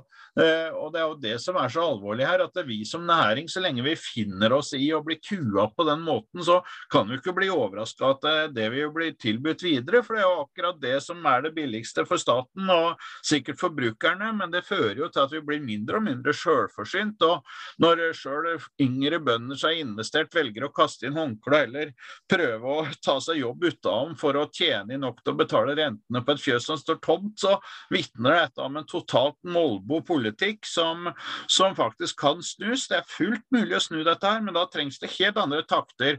Og jeg vil si særlig fra Arbeiderpartiet og Senterpartiet. De bærer et virkelig ansvar i regjering, og de har full mulighet til å snu denne jordbrukspolitikken. Vi skal heie på alle de gode tinga de gjør. og det kan godt si at det er en ting som jeg syns var veldig bra da, fra Sandra, jeg får dra på litt med noe positivt, og det er jo det at hun var ute nå og sa at eh, det er eh, statsforvalteren og ikke kommunene som skal behandle konsesjonssaker til AS. Det mener jeg er helt riktig. og Jeg trodde ikke det var så mye, men det sto vel i Nasjonen at det var i underkant av 400 AS-er i norsk jordbruk nå på eiersida på eiendom. og det, det, mener jeg er et veldig dårlig signal. Da, for det, at, eh, det er ikke tvil om altså, at det er en veldig fordel, ikke for den norske bonde direkte, men for norsk matproduksjon som helhet. At vi har eh, sjøleiende bønder som er organisert sånn som i dag. Det, det, er jeg helt tydelig på. Du kan si at i en del land som åpna opp for AS, så ser det søtt og hyggelig ut i starten, men over tid så vil jo det føre til at uh, du får en enorm maktkonsentrasjon og noen få som eier ekstremt mye. Da, og Det er jo egentlig det landet vårt er tufta på at vi ikke skal ha. At vi skal ha en god fordeling av eiendom og verdier i dette landet. og Det mener jeg er en viktig verdi å ta vare på videre. Om, du snakker jo en del om det spise rundt samme bord, fordelingspolitikk. At vi ikke skal ha så store ulikheter i samfunnet. Men med den politikken som er lagt opp i jordbrukspolitikken, f.eks. det her med jordbruksfradrag. Vi har jo en del insentiver som stimulerer til at de som egentlig har det best, får det litt bedre. Og de som har det dårligst, eh, får det enda dårligere eh, trenger vi egentlig et jordbruksfradrag? Hvorfor skal du ha et særskilt skattefradrag fordi jeg er gårdbruker og hvis naboen min er rørlegger? Hvorfor skal jeg betale mindre skatt enn han? Det er jo i og for seg et interessant spørsmål, det. Og du kan si det er jo et symptom på at vi som næring har uh, fått tilbudt løsninger som skal hjelpe oss fordi at økonomien ikke er lik som andre. Uh, og det er klart at alle sånne egne ordninger for jordbruket, det, det fører også til en del uh, både misunnelse og spekulasjoner rundt. Sånn at eh, jordbruksfradraget i seg sjøl er jo kanskje ikke et problem direkte. Problemet i direkte jordbruket er jo at det er eh, ikke noe sosial politikk innenfor jordbruket i hele tatt. Altså Det er ikke lagt opp til å, å hjelpe dem som trenger det mest. Eh, det er helt nøytralt i norsk jordbruk, og det gjør jo at eh, de som har mest ressurser fra utsida, men velger å drive jordbruk, alltid kommer best ut. Eh, og det vil vi jo se nå, og det er noe av grunnen til at Norsk Bonde- og Småbrukerlag har vært skeptiske til eh, bruken av klimakalkulatoren som verktøy. fordi at eh, altså Klimakalkulatoren kan ha mange positive effekter. og Som et eget verktøy så kan det jo være fint for å synliggjøre for dem, hver enkelt bonde hva hva en faktisk eh, kan forbedre. Det er ikke det vi er imot. Men det vi er imot, det er jo nå at eh, vi ser taksonomien i EU da, som legger opp til hvordan egentlig finansinstitusjonene skal eh, jobbe. Der blir det jo nå lagt opp, og det er jo et ønske hele tida, at de skal få tilgang på bondens data for å premiere miljøvennlig drift. Da. Og det mener jeg at er helt feil, fordi at vi i norsk jordbruk vi må jo se på norsk jordbruk som et solidarisk prosjekt. et land land som en helhet. Og med det som det legges opp til her, så er det veldig lett at næringer blir satt opp mot hverandre, eh, med at noen næringer har mindre utslipp per produsert enhet enn andre f.eks., men som ikke tar opp i seg helheten. Det blir litt som den idiotiske diskusjonen vi har rundt uh, nye nordiske kostholdsråd, som uh, svarer ut uh, noen problemer på én måte, men som ikke tar opp i seg helheten og bommer totalt på helheten, vil jeg si. Da. Og, det er jo litt det samme man legger opp til her, at den skal egentlig Da vil du jo få et resultat at det vil jo større jorder du har, jo bedre naturgitte forutsetninger, jo mindre, eh, mindre, utslipp vil du i veldig mange tilfeller ha, for at du har mindre vennetei og større forutsetninger for å ta en større avling. Altså, du vil komme bedre ut. Eh, mens eh, de som høster på de marginale ressursene, vil jo komme ut med veldig stygge tall, og den produksjonen vil jo bli veldig lett bli stempla som miljøfiendtlig. Altså typisk noe av det mest kanskje miljøvennlige vi har da, med eh, norsk seterdrift som, eh, der de faktisk er oppe på fjellet og høster fôrenheter som ellers ikke hadde blitt høsta, og som egentlig kan si helt direkte erstatter soyaimport. Fordi at en importert eller annen import, det mener jeg at er superviktig. Mens den vil jo virkelig sannsynligvis stå med rød blinkende tall og se veldig dårlig ut på det, den måten å regne på. Da. Det, det, mener vi er så grunnleggende feil at vi er veldig skeptiske til hvordan disse dataene brukes framover. Det vil vi jo se også nå, da, at vi er jo veldig for at norsk jordbruk skal gå i en mer klima- og naturvennlig eh, utvikling, men det kan ikke legges opp til en elbilpolitikk i norsk jordbruk der det i praksis er det samme som skjedde på elbilen, at de som har mest ressurser kunne kjøpe seg en Tesla og suse forbi alle andre, mens eh, sliterne i samfunnet og jordbruket, som faktisk hadde trengt og fått ekstra støtte for å klare den omstillinga som de ellers ikke hadde klart, de skal da sitte og betale rente renteutgiftene som disse grønne låna. For det er jo ikke sånn at bankene trykker penger annet enn når staten vil det, i så fall. da. Sånn at eh, når noen får et ekstra billig grønt lån, så er det jo noen andre som betaler den kostnaden i andre enden. Og det er jo typisk de bøndene som ikke klarer den omstillinga, eller som ikke har en produksjon som ser, eh, ser eh, best mulig klimamessig ut. Og så er jeg også veldig skeptisk til det at hvis vi går veldig inn på det og ikke ser på en helhetlig solidarisk tankegang for norsk jordbruk, så er det veldig lett at eh, vi også kan eh, stemple produksjoner internt i landet mot hverandre. Men vi må også være forberedt på at eh, andre land vil alltid kunne ha bedre tall enn oss i mange, mange produksjoner, fordi at de har bedre naturgitte forhold. Og, og, det vil jo kunne også på sikt skape en negativ nedside for norsk jordbruk, fordi at en bare ser på ett aspekt. men men ikke ser helheten. Hmm. Uh, Mista jeg litt tråden her, for jeg tenkte på noe annet i, i, i farta. Så hvor var vi, skulle til å si? Jeg kan jo også si en annen ting da, som eh, irriterer meg noe vanvittig i det norske samfunnet, og det er hvordan det er eh, løgn og bedrag også i norsk arbeidsliv. Da, for det, eh, vi ser det samme egentlig, og det er jo litt av det som er interessant å se. Da, at eh, vi tror jo det at vi har et veldig bra og fint opplegg for norske lønnsoppgjør, men det systemet også er like råttent egentlig som i jordbruket. fordi at eh, vi har jo eh, teknisk beregningsutvalg som legger grunnlaget eh, for eh, lønnsoppgjørene i Norge. Det tilsvarer jo budsjettene i jordbruket.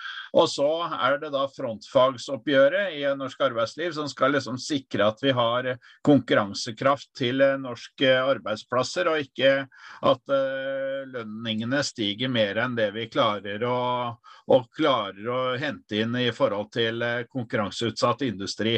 Og Det er i og for seg en god, god sak. Det heter jo frontfagsoppgjøret. og Frontfagsoppgjøret er et kroneoppgjør. Og, og det kroneoppgjøret det konverteres til en prosent. Årets prosent var vel 5,2 eh, eh, som eh, var ramma for årets lønnsoppgjør.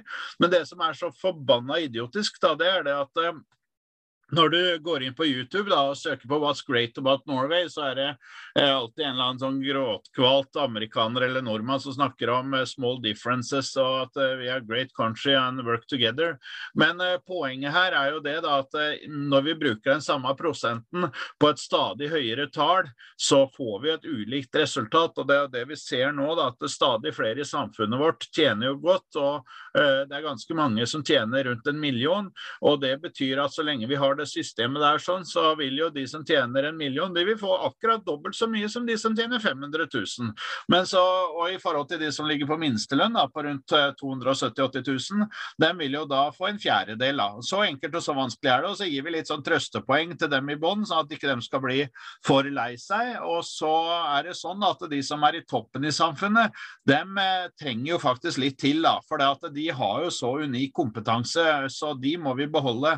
Så de får jo ofte mye mer, i tillegg også andre goder som gratis telefon, også en del firmagoder og en del andre sånne ting. og det, det, ser vi jo så tydelig at nå begynner en del å eie bolig nummer to og tre kanskje også. Og vi ser at gapet mellom fattige og rike i samfunnet vårt det øker så vanvittig fort. Jeg leste et sted at det var bare Tyskland der eh, gapet øka raskere i hele Europa som i Norge. og Det dette kommer til å føre til, det er jo at vi blir et land som ikke henger sammen framover. Og det er det som har vært interessant når vi fikk med oss han Robert Mood blant da, som snakker om hva som faktisk skjer i land som det er krise og krig. Da, så er det jo de landene som spiser rundt samme bord, altså de som står sammen og har en viss eh, solidarisk måte å tenke på. Det er jo dem som klarer seg best i en krise. Mens eh, det vi er i ferd med å lage i dag, det er jo et land der vi ikke sitter sammen i hele tatt, og at eh, de som har det best, skal ha det bedre. Og det er en veldig uklok politikk. For det fører oss nærmere og nærmere at vi får eh, det som nå kan kalles franske tilstander, da, der vi har så store ulikheter i samfunnet at det blir urolig. Og det er jo det som egentlig skjedde, kan du si, også i i, i, Sverige og du ser i andre land også at du får uroligheter pga. at ikke eh, samfunnet drar godt nok sammen. Og Det er det som er så grunnleggende viktig nå, at vi klarer å bygge et mer rettferdig samfunn. og Derfor så er det også viktig å merke seg den detaljen da, at norsk, i norsk jordbruksoppgjør så Før så fikk vi jo prosentvis, som alle andre, eh, i ramma for vårt eh, jordbruksoppgjør, men det har de gått over til hele tida tida beregne at vi skal kronemessig lik. og Det er akkurat den funksjonen at prosent på et så lavt grunnlag det slår gærent ut. så Derfor så mener jeg norsk jordbruk har absolutt noe å lære videre til norsk arbeidsliv for rettferdig fordeling. da. Ironisk nok fra de som faktisk får minst. Men øh, går det ikke an å løse to problemer her? Vi snakka tidligere om at øh, her er det mangel på avløsere. Og vi vet jo det at økonomi er hovedårsaken til, for et lavlønnsyrke. Og de vil jo også bli slående hardt ut på det du nevner, med prosent. De vil få enda større avstand. Eh, kan vi ikke da løfte dem og danne en allianse med de her lavlønnsyrkene, samtidig som eh, vi løfter bonden og slår to fluer i en smekk og blir en litt sterkere allianse? Jo, og kan si at det å skape sterke allianser, det blir eh, Og det er jo noe av det vi har starta på eh, i år. Og, og, du kan si at eh, Margit Fausko, som er i styret i NBS, hun, hun var jo på en stor demonstrasjon i Berlin nå for ikke så lenge siden. Der eh, parolen, Det var en kjempedemonstrasjon, og parolen der var jo 'god mat til alle'. ikke sant? Sånn at Poenget her det handler jo ikke om at bonden skal bli eh, rik og så driter vi i samfunnet, men det handler jo om at vi må ha en god og trygg mat til alle folk i Norge som, eh, som er eh, OK. Og eh, det, det, er helt grunnleggende viktig. Men det er ikke sånn at bonden kan bære den kostnaden alene ved å gå på akkord med seg sjøl i forhold til sosial sikkerhet. Vi må se dette i en sammenheng, og det er der det også ligger an til at eh, forhåpentligvis regjeringa nå utover høsten kommer med en ny deal da, som kan bli faktisk eh, det største som har skjedd i norsk jordbruk og det viktigste vil jeg si på kanskje 73 år, da, at vi faktisk går inn i en ny tidsalder der vi tar tak i disse viktige tinga i forhold til at eh, norske bønder skal produsere rett mengde. Vi skal produsere den maten som vi har forutsetninger for å dyrke, og vi skal gjøre det over hele landet. Det må ligge til grunn. og Der eh, ligger ballen på straffemerket for regjeringa hvis de vil bli gode. Vi skal hjelpe dem. Eh, men det handler faktisk om en reell vilje til endring, og den, den tror jeg vi kommer til å se. Jeg tror vi kommer kommer til å få til dette her, men det er helt avgjørende nå at vi presser på skikkelig. For jeg tror ikke de, eh, de har ikke nok driv og løsninger sjøl til å komme, komme, godt nok i gang. Det ser vi hvor eh, mange utsettelser det har vært på dette. Men hvis mange nok presser på, så er jeg helt uh, sikker på at dette lar seg gjøre. Men vi må være litt innom jordbruksoppgjøret. Det skjedde jo en ting. altså vi var litt innledningsvis snakka om behov for to, lag, to faglag. Du sier ja. Nå er det jo mange i småbruklaget som har liksom pekt på Bondelaget tidligere og sagt at her ønsker man å bli færre, men sterkere, som har vært uttalt fra Bondelaget for lenge siden. Så har Bondelaget svart med at nei, selvfølgelig ønsker vi å opprettholde de antallet bønder som vi har i dag. Småbrukerlaget sier vel at de også ønsker flere. Men Bondelaget og staten skrev under på en litt snodig ordning her i forhold til melkeprodusenter. Nå blir det jo da stimulert til, for dem som vil gå ut av næringa i melkesektoren egentlig i to år nå. Eh, er det noe som NBS kunne vært med og, og signert på? Den utkjøpsavtalen, om kan kalle det det, som skjer nå på mjølk? Det, om vi kunne vært med på den eller ikke, det, det, jo, det er jo en helhetlig avtale en skriver enten under eller på. Så det er, kommer jo an på hva annet som ligger i en avtale. Men det punktet i seg sjøl er jo ikke noe som vi er noe veldig begeistra for. For dette legger jo opp til at vi skal bli mindre sjølforsynt. Det legger jo opp til at vi skal få mer og mer bruk som er frikobla de naturgitte ressursene til det bruket, i eh, stor grad i hvert fall. Og det fører også til at vi blir færre bønder i en tid der vi faktisk bør bli flere. Og jeg mener vi bør bli flere bønder. For eh, hadde vi blitt flere bønder, så kunne vi brukt norske naturressurser på en enda bedre måte. Det er jeg helt overbevist om. sånn at eh, til svaret på det du sier, så er vel egentlig svaret på det eh, nei. Jeg syns ikke det er et eh, godt forslag. og Jeg klarer ikke helt å skjønne hva de ønsker å oppnå med det. og Det å sette ned kvotetaket når det står i Hurdalserklæringa at det skal ned mot 500, og Bondelaget har vel sagt 600 og vi har sagt 450, hvorfor blei det da 700? Her må det jo være at det har vært sterke krefter i kanskje Landbruks- og matdepartementet da, som har pressa på og vunnet. Det vil jo si at jordbruket og regjeringa står svakt i forhold til Landbruks- og matdepartementet i så fall. Det er jo ikke noe godt tegn.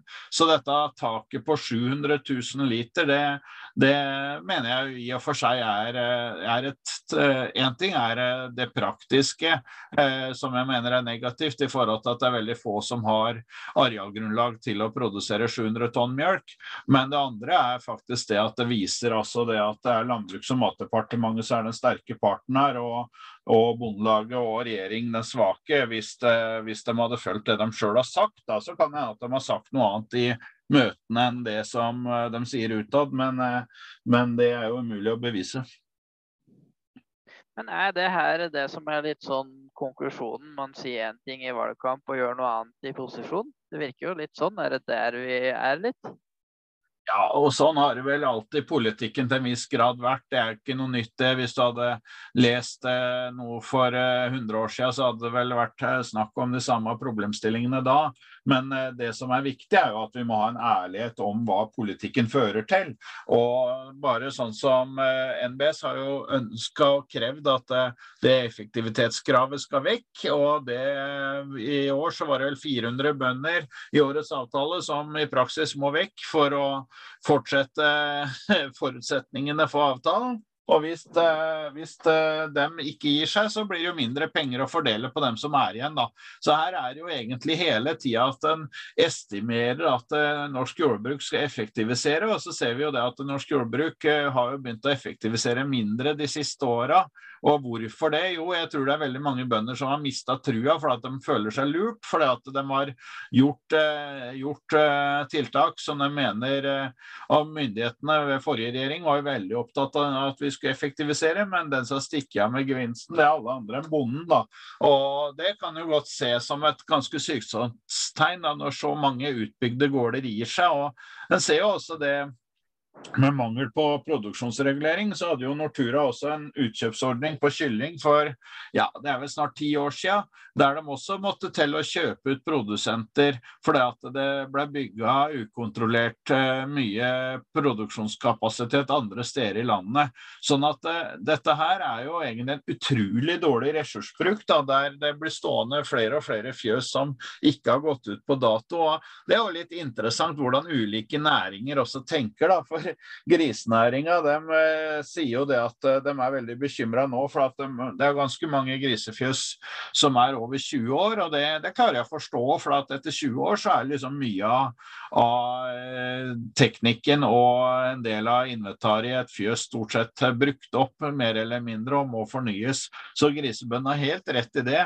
Men det er jo litt interessant at grisebøndene og kubøndene skal kjempe om, om, de samme kronene for å bygge nytt, mens kufjøsa, der er det jo folk som har fjøs fra helt ned på 30- og 20-tallet, som driver i dag, og som ikke klarer å fornye seg. Da. Og der har jo stjerneeksempelet i og for seg med Nora Sandberg, da, som har vært veldig tydelig med sin historie da, i forhold til at de har et fjøs fra 60-tallet som er kav utslitt, og som eh, absolutt skulle vært fornya, men som det nå etter eh, så mange år ikke er økonomi til å fornye hvis ikke du skal ha så mye gjeld at du må jobbe og ha inntekter utenom bare for at det skal gå rundt. Da, da går det jo ikke rundt. Da taper du jo penger på å drive en stor, effektiv produksjon, og det er jo så klart en helt uholdbar situasjon. Mm. Men, men uh, hvis NBS og du kunne liksom lagt dere i forutsetet for uh, innovasjonsmidler altså Det ligger jo litt i ordet, føler jeg. Da. Innovasjon. Det er jo egentlig noe annet enn å bare gi likviditet til å klare å bygge et fjøs. Hva skulle man egentlig brukt disse her uh, midlene på, etter deres syn? På kort sikt så burde en absolutt stoppa å bygge store fjøs, fordi at eh, mange Altså der du kunne egentlig eh, bygge store fjøs, det er jo der hvor jordbruket går mest tilbake, og det går mye jord ut av drift. Det er jo der egentlig en skulle heller lagt til rette for at det blir bygga eh, fjøs, da, for å opprettholde sysselsetting og miljø i de mest marginale områdene, og der det er ressurser. Men på kort sikt så ville jo vi valgt å heller putta putte inn eh, veldig mye av de penga som i dag bygger fjøs for eh, inn i, eh, inn i eh, å investere i jorda og grøfte opp mye jord og sette jorda i stand.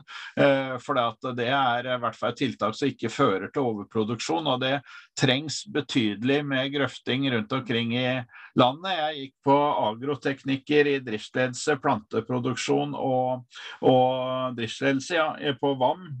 var ferdig der i var 2018 eller noe sånt. Nå. Utrolig interessant studie. Jeg må slå etter slag for ikke bare VAM, men for agroteknikerutdanninga. 60 eh, studiepoeng veldig bra linje, nok om det. Men i hvert fall da skrev jeg oppgave der om grøfteproblematikk på leid jord. Da.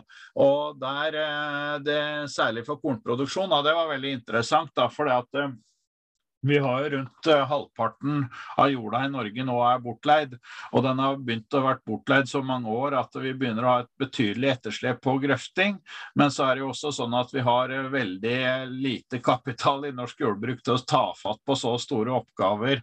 Nå ble jo riktignok grøftetilskuddet økt til 4000 kroner målet, men uh, på en del jordarter så er heller ikke det nok. og nå har det vært en del kønnbønder som har vært litt kjekke og greie de siste par åra, med ganske gode avlinger og en bedra kornøkonomi.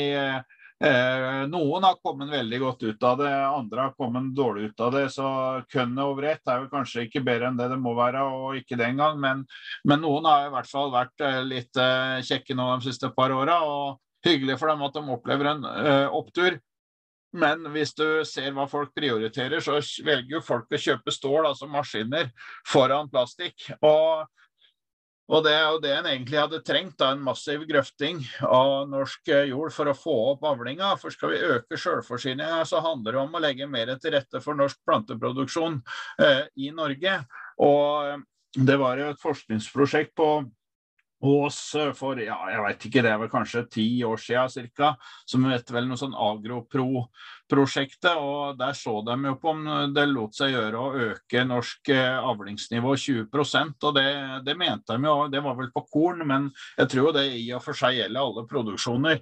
Og det konkluderte de jo med at det var mulig. sånn at eh, vi har jo absolutt muligheten til å øke norsk sjølforsyning opp til 50% hvis vi ønsker det, men da må det faktisk legges til rette for en økonomi som gjør det lønnsomt å sette jord i hevd, og at vi skal bruke alle ressursene våre. og at vi skal ikke minst også få til bønder til å kunne bruke en større del av tida si og kreftene sine på å produsere mat, i stedet for å ha alle mulige andre tilleggsinntekter eh, for å holde hjula i gang. Mm.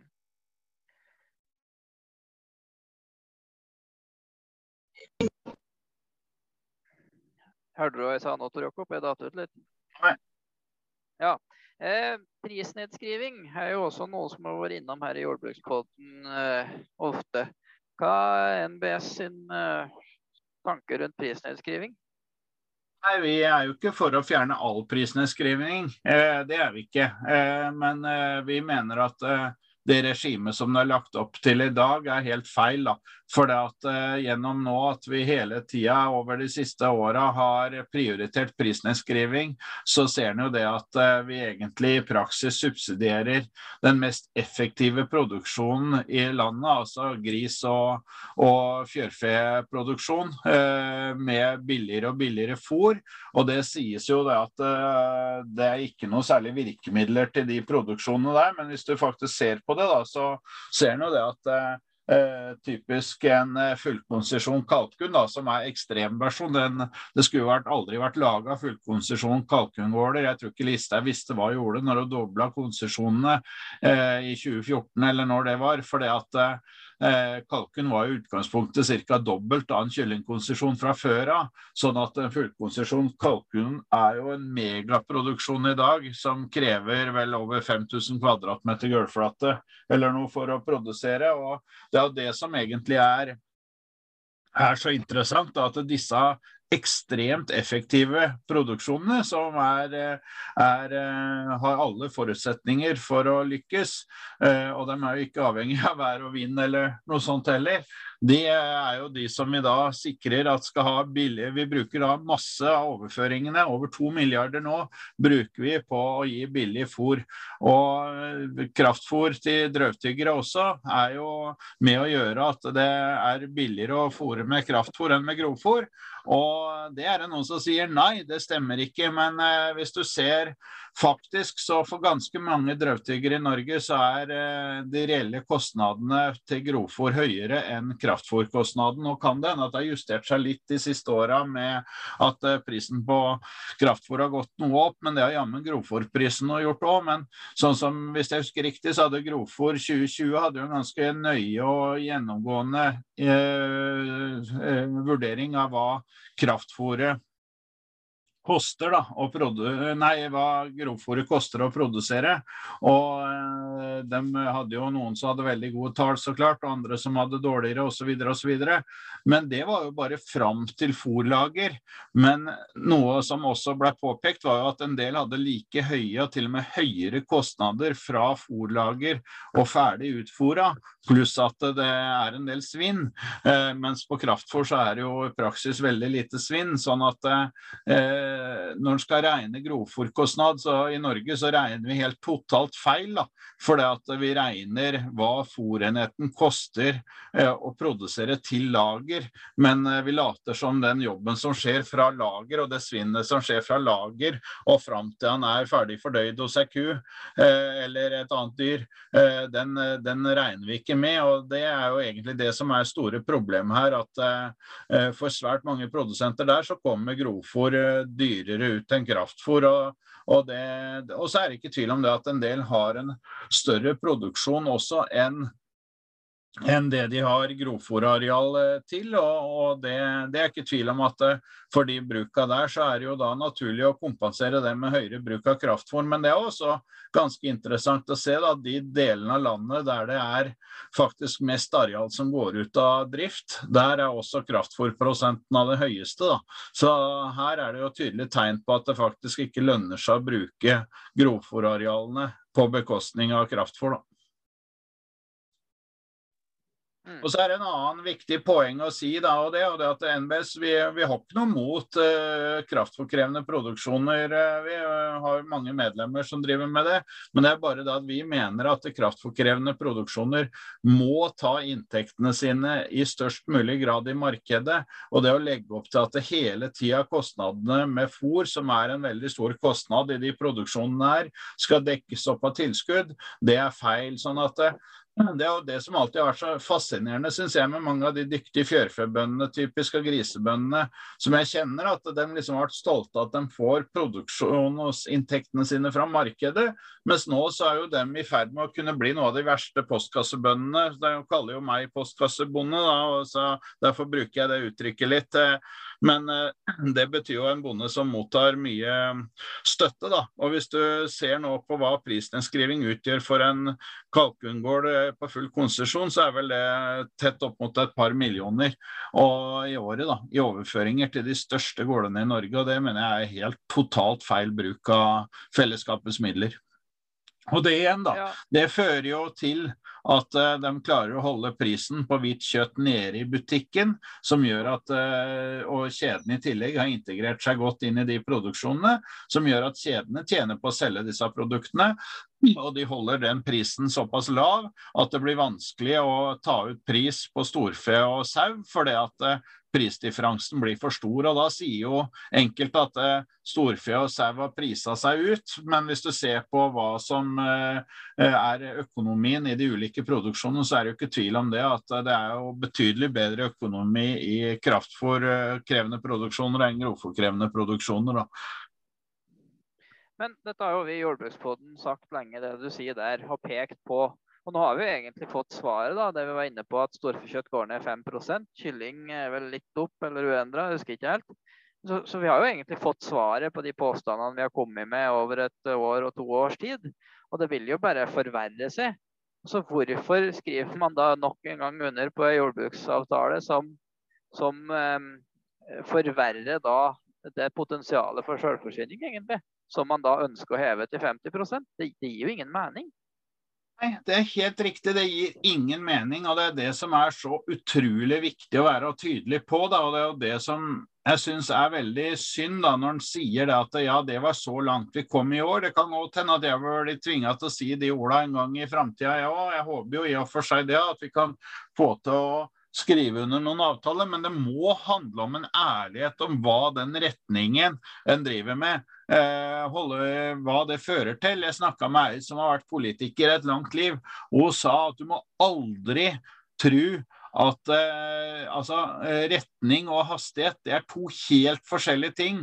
Og eh, hvis ikke retningen er riktig, så kommer du galt ut. Og det, og det, er egentlig helt uvesentlig om det går sakte eller fort. Og det er jo der vi NBS eh, med vårt krav i år eh, la opp til en ny retning i norsk jordbrukspolitikk. Altså Vi tok Hurdalsplattformen på alvor. Vi svara ut hva som vi mener skulle til for å skape en optimisme i næringa. Det vi ser er jo det at eh, per nå så er det i hvert fall innafor en del produksjoner ikke en eh, veldig optimisme. og Det som kanskje er verdt å merke seg, det, og det at de prøver jo å vri ting til å være mer optimistisk for det at noen vil betale mye for en mjølkekvote f.eks. så sier de ja, når det er så stor vilje til å betale, så er det tegn på optimisme. Men jeg vil si at det er tegn på desperat handling når du er villig til å betale så mye fordi at eh, du har satt deg en så stor gjeld at du ikke har noe valg til å kunne forholde deg til å trappe ned produksjon eller justere den etter lønnsomhet, men du må bare gi mer og mer gass for å prøve å komme deg ut av det. Og det er jo det vi ser egentlig i praksis nå, at veldig mange må investere i kvote mer og mer, eh, som de ikke vet om er noe verdt i framtida. Men eh, der egentlig er de aktive bøndene som skal bære en større og større tyngde på skuldrene sine fra bønder som velger å ikke ville produsere lenger. Da. Og det, det er jo veldig tankevekkende. Mm. Eh, en annen ting som NBS har jo fronta, det er det her med teigbasert tilskudd. Og nå kom det jo inn en merknad etter jordbruksoppgjøret på ja, om det skal utredes, eller kan du si nøyaktig hva, hva er status eh, der? Ja, nei, det er jo ikke egentlig noe helt nøyaktig status. Jeg har jo vært litt i kontakt uh, med departementet for å høre litt hvordan de ser for seg det videre. og Da, jeg snakka med dem, så hadde de ikke noe klart svar på det nå. Men det som er helt sikkert, er at taggbasert kan, hvis det brukes riktig, bli et fantastisk godt verktøy. For det, det vi ser, er jo det at vi har en evigvarende gnål og krangling om soneinndeling i landet her. for det at uh, den er jo ikke tvil om at det er urettferdig. Sonene er ikke rettferdig. Og det en ser, og jeg har reist kanskje litt rundt i landet her og, og ser jo det at eh, i nesten alle bygder så er det noen veldig gode gårder og noen eh, gårder som ikke er så gode. og Det gjelder sjøl i de beste områdene. Eh, og Det er jo egentlig litt av ironien da. med dagens system. Så er det faktisk sånn at kanskje de tøffeste vilkåra for å drive jordbruk, det fins faktisk eh, for de som driver med typisk sau på veldig skrinne arealer i Vestfold, typisk. Som eh, som kan ha et eh, greit eh, vekstsesong, men får veldig lite tilskudd. Eh, og eh, Hvis de har veldig dårlige eh, beiter, men viktige beiter å ivareta, så kommer ikke de typisk særlig veldig godt ut. og Det gjør jo at en del areal også i i sentrale strøk også gror igjen, ironisk nok. Da. Det som eh, det handler om, det er jo at vi skal kunne legge opp til et eh, system som vil eh, ta opp i seg høyde over havet, helling, størrelse på teier. Det kan være jordsmonn, det kan være andre aspekter for å bruke som verktøy i framtida for en mer rettferdig fordeling. Men det er jo ikke noe veldig verdifullt i seg sjøl med en mer rettferdig fordeling hvis vi ikke får til en jamstillinga heller. For da vil det jo eh, ta fra noen og gi til andre. og det, det, er jo egentlig et prinsipp som ikke vi ønsker for mye av. sånn at eh, Det er jo særlig i forbindelse med den jamstillinga at en eh, burde være veldig obs på å bruke disse nye verktøyene effektivt, sånn at den løfter der som det trengs mer, og så kan den heller holde litt igjen der det er eh, nok overføringer da, for, i forhold til å få til en jevnere lønnsomhet i norsk jordbruk, sånn at arealbruken går opp, og at vi tar i bruk alle jordressursene som, eh, som vi finner fornuftig, rett og slett. Men er det, det er jo ikke noe begrep, og det er jo ting som vil ta litt tid, vil jeg tro. Eh, hva er deres konkrete forslag for å begynne å rulle ut eh, og ruller ut for å komme litt i gang, på en måte? Nei, Vi har jo jobba mye med Enkelte hos oss har jobba mye med hva det kan, hvordan eh, det kan løses. sånn at, og det er vel I dag er det sju land i Europa som har et sånt kartbasert tilskuddssystem. sånn at eh, det er jo absolutt mulig å få til. og Vi ser jo også på RMP-tilskudda som har blitt over til kartbasert, så fungerer jo det etter hvert ganske brukbart. sånn at eh, det å gå over til å bruke kart, eh, kart er jo en, sannsynligvis et veldig steg i rett retning. Ellers en annen ting som vi foreslo i år som jeg mener er ekstremt viktig, da, det er jo det at vi trenger å få på plass digitalt, en digital jordleieavtale som gjør at for i dag så er det sånn at den som driver jorda, den ligger tynt an. Og det er veldig mange steder i landet der det er mye muntlig jordleieavtaler. Selv om det er krav om ti års skriftlig jordleieavtale etter jordloven, så følges ikke dette opp. og Landbrukskontorene har ikke kapasitet, virker det som, til å følge opp det. Og Der mener vi at det hadde vært veldig fornuftig å gjort sånn som man gjør på salgsmelding på bil nå, at begge parter må gå inn og signere på en holdt på å si en melding. da, eh, der en, eh, og Det gir også staten god oversikt over hvilke arealer som er leid bort, og hvilke som ikke er leid bort. og Det det vil føre til over sikt, er jo at den aktive bonde har bedre forutsetninger for å få mer langvarig eh, forvaltning av jorda. Så må vi legge opp til at det skal kunne være mulig å søke dispensasjon. For det kan jo være noen enkelttilfeller der eh, ti år er eh, for rigid. Men det bør heller være unntaket enn eh, sånn som jeg vil si i dag er i praksis nesten Det er feil å si at det er regelen, men det er i hvert fall veldig mange jeg snakker med som opplever det som veldig stor usikkerhet i forutsetningene. At du ikke har skriftlig jordleieavtale. Og så er det jo også sånn at det er ulike problematikker rundt omkring i landet. Det er noen deler av landet så har vi veldig mye areal som, som eh, folk eh, Det er veldig passive eiere som, og veldig små jordteier da, på kanskje ti og sju og seks mål og sånn som ligger inneklemt. Og det å ha en mer aktiv politikk i forhold til å slå sammen sånne lapper og gjøre det mer effektivt og bruke de minste teigene, eh, det tror jeg også hadde vært veldig viktig. For vi har enorme arealer som gror igjen. og Sånn som i Troms er det vel 40% av arealet nå som ikke blir høsta. Det er jo så klart en, et totalt eh, tillitsbrudd i forhold til den samfunnsavtalen vi opplever at vi burde ha. da. Mm. Men nå er vi jo innom litt det her med digitalisering og utnyttelse av ny teknologi. og Du er jo inne på en del ting. Vi har jo også et annet problem med jordbruket, som vel jordbruket har spilt inn i ti år på rad i jordbruksavtalene eller noe sånt. Annet behov for telledatoer. Altså at du bruker daglige tilskuddssatser istedenfor årlige, og ikke har en telledato, men du får betalt via husdyrregisteret og den type. Eh, hvorfor klarer man ikke å få til noe der? Det vil jo være i statens interesse og i vår interesse. Det er jo ingen tapere på noe sånt. Det vil koste litt å utvikle, men du vil jo tjene det igjen sannsynligvis på år én for staten. Hvorfor er det så sendrektig på sånne ting? Det er jammen et uh, godt spørsmål. Det, det, har vi undret oss over. Og så er det klart at en del sånne uh, ting det tar tydeligvis lengre tid enn en har lett for å tro. Men uh, den ser jo hva som den får til å gjøre hvis den faktisk vil. Da. Så det er eh, Et annet eksempel der er vel i og for seg også KSL-systemet, vil jeg si, som er, eh, er i, Jeg er jo i styret i, i, Norsk Mat, stiftelsen Norsk Mat, som står bak KSL. og jeg tenker jo at det er mye bra i det at vi har ett kvalitetssystem i Norge, eh, og ikke flere. Det er veldig positivt. Og det er mye bra jobbing som skjer der, men så er det også ting som eh, burde vært gjort på en helt annen måte, og særlig det der med å utvikle også den eh, appen deres, sånn at vi i stedet for å ha flere steder vi skal notere ting, så burde det være sånn at den appen var så god å bruke at du faktisk hadde dette som en stor fordel for deg sjøl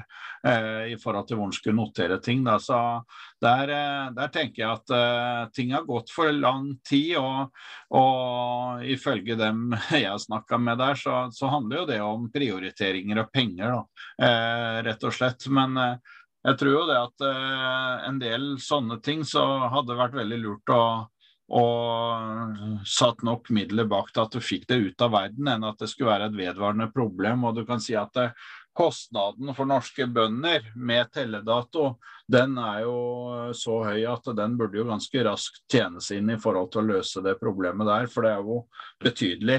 Eh, dessverre, da. Og, og, helt unødvendig. Og særlig nå som vi begynner å se at vi har en del kjøtt på lager, så vil jo dette her å klare å rullere det lageret fort nok også ha en del å si. da.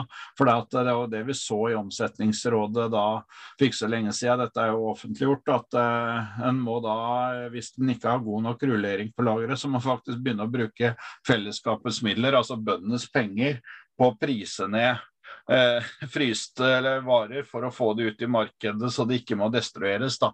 Eh, og at de da selges for en veldig redusert pris. da. Så, så her må det jo gå an å løse dette her. Eh, det er, eh, det er, ikke tvil om det, så en utålmodighet på det, det skal jeg i hvert fall prøve å bidra med. Mm.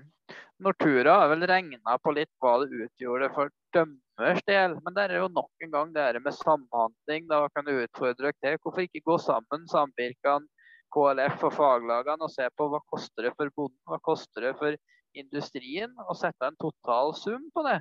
Og da vil jo det, hvis staten gjør en investering på det og endrer systemet, så vil jo det rett og slett være en direkte innsparing eh, for dem. Gitt at bonden skal jamstilles, så kan du ta ut kostnad. Sånn at eh, det er en oppfordring å prøve å få til noe samhandling og regne på ting. Og synliggjøre det for kostnadene. For at selv om vi i jordbruket skjønner ting, så betyr ikke det at en nyvalgt politiker eller en byråkrat skjønner alle sammenhengene. Du må få reservert hva det betyr i kroner og øre for å skjønne sammenhengene. Ja, og så er det jo det at det betyr noe i kroner og øre for oss og ikke for dem. og Sånn sett så kan jeg jo si at eh, eh tidligere så var det vel sånn at eh, tollinntektene når vi importerte korn, til Norge. De tollinntektene der de gikk vel til eh, Landbruks- og matdepartementet, hvis jeg har lest riktig. Altså, Hvis du importerte mye, så fikk du automatisk mer penger å drive landbrukspolitikk for. da.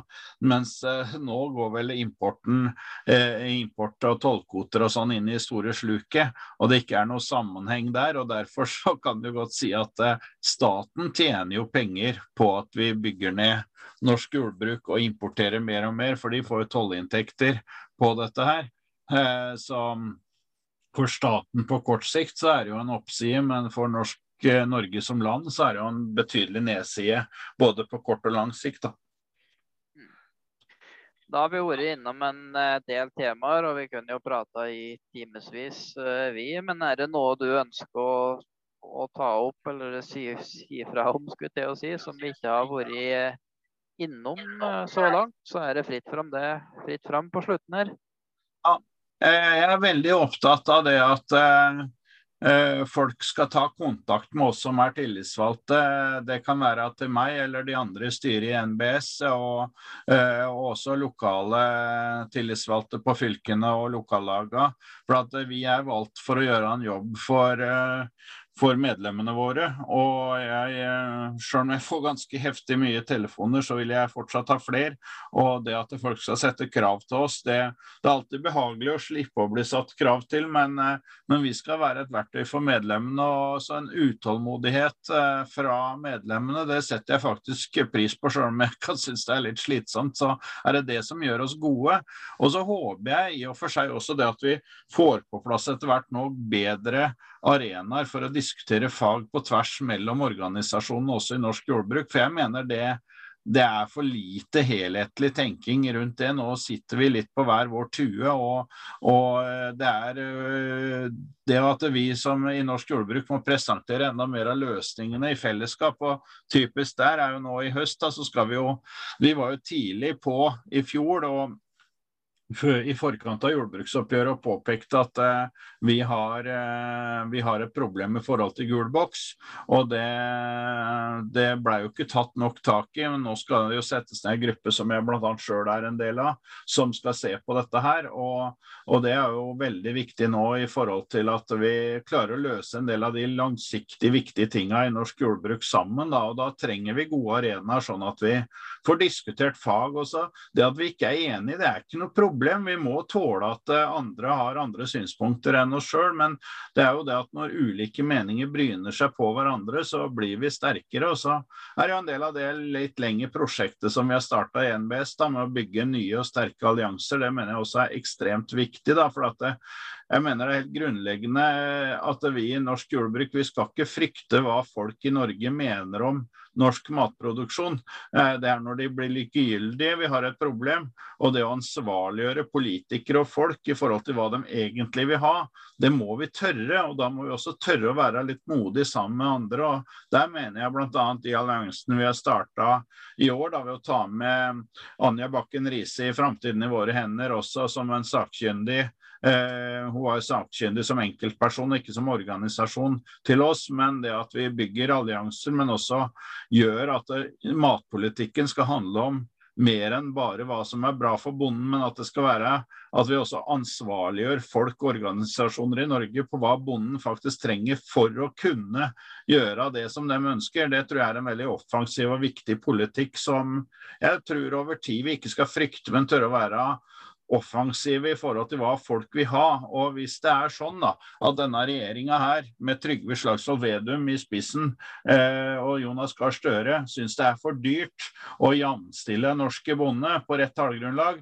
så hadde det vært veldig greit at de var ærlige med oss og sa det. For da kan i hvert fall vi ta våre vurderinger eh, ut fra en ærlighet. Mens det som vi har fått presentert til nå, det er jo dessverre ikke en ærlighet om norsk eh, matproduksjon. Der de ikke legger til rette for produksjonsregulering. De legger ikke til rette for jamstilling i høy nok grad, og de har mye ugjort i forhold til det å ta tak i kjedemakt og andre viktige ting. Sånn at uh, denne regjeringa her, de uh, har mange muligheter, men de må faktisk tørre å bli gode, og det, det skal vi hjelpe dem til. Og det var noe jeg sa til Trygve Slagsvold Vedum når jeg traff ham uh, uh, i våre så at uh, Eh, det at vi tok med andre inn i jordbruksforhandlingene, det var jo ikke for å ta regjeringa, det er for å bygge en legitimitet hvorfor en massiv satsing på norsk matproduksjon er det eneste riktige.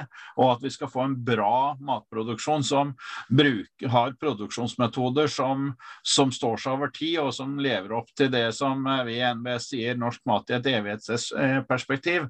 Og Det er jo det som er så viktig. Så jeg mener at det var en helt grunnleggende kjempemulighet både for faglaget og staten staten til å bygge en sterk opinion nå i forhold til å få en god forståelse av hvorfor norsk mat er løsningen. Og det er veldig synd at vi ikke blei sånn. Det var jo staten. Det er også sånn at det var staten som valgte å forhandle videre med Bondelaget, og ikke med oss. Og vi har ikke brytet noen forhandlinger. Det var staten som valgte å forhandle med Bondelaget. Og det kan jo bare vurdere sjøl hvorfor en tror det skjedde. Men det en vet, er at resultatet av årets jordbruksoppgjør det er at det mangler 3,8 milliarder på norske bondens konto i forhold til det som er det som mange tror er resultatet. Altså det er 3,8 milliarder som er eh, rentekostnader som ikke er med i regnestykket. og Det er jo helt hårreisende at dette har fått gått igjennom. og det At eh, Bondelaget i tillegg nekter for at det er virkeligheten, det er jo helt utrolig. Og, så det vi trenger, det er en ærlighet om situasjonen, en ærlighet om tallene. Og så Eh, det er først når vi kommer dit at politikerne faktisk står til veggs og må gi oss et tydelig svar hva slags jordbruk de faktisk ønsker i framtida. Mm. Jeg tror det var gode avsluttende ord. Da sier vi tusen hjertelig takk for at du tok, oss, tok deg tida til å være med. Og så håper vi at vi kanskje kan invitere deg igjen utpå høsten, når det begynner å komme opp litt aktuelle eh, saker, og høre litt eh, hva som foregår. Takk for at jeg fikk være med. Hei. Hei.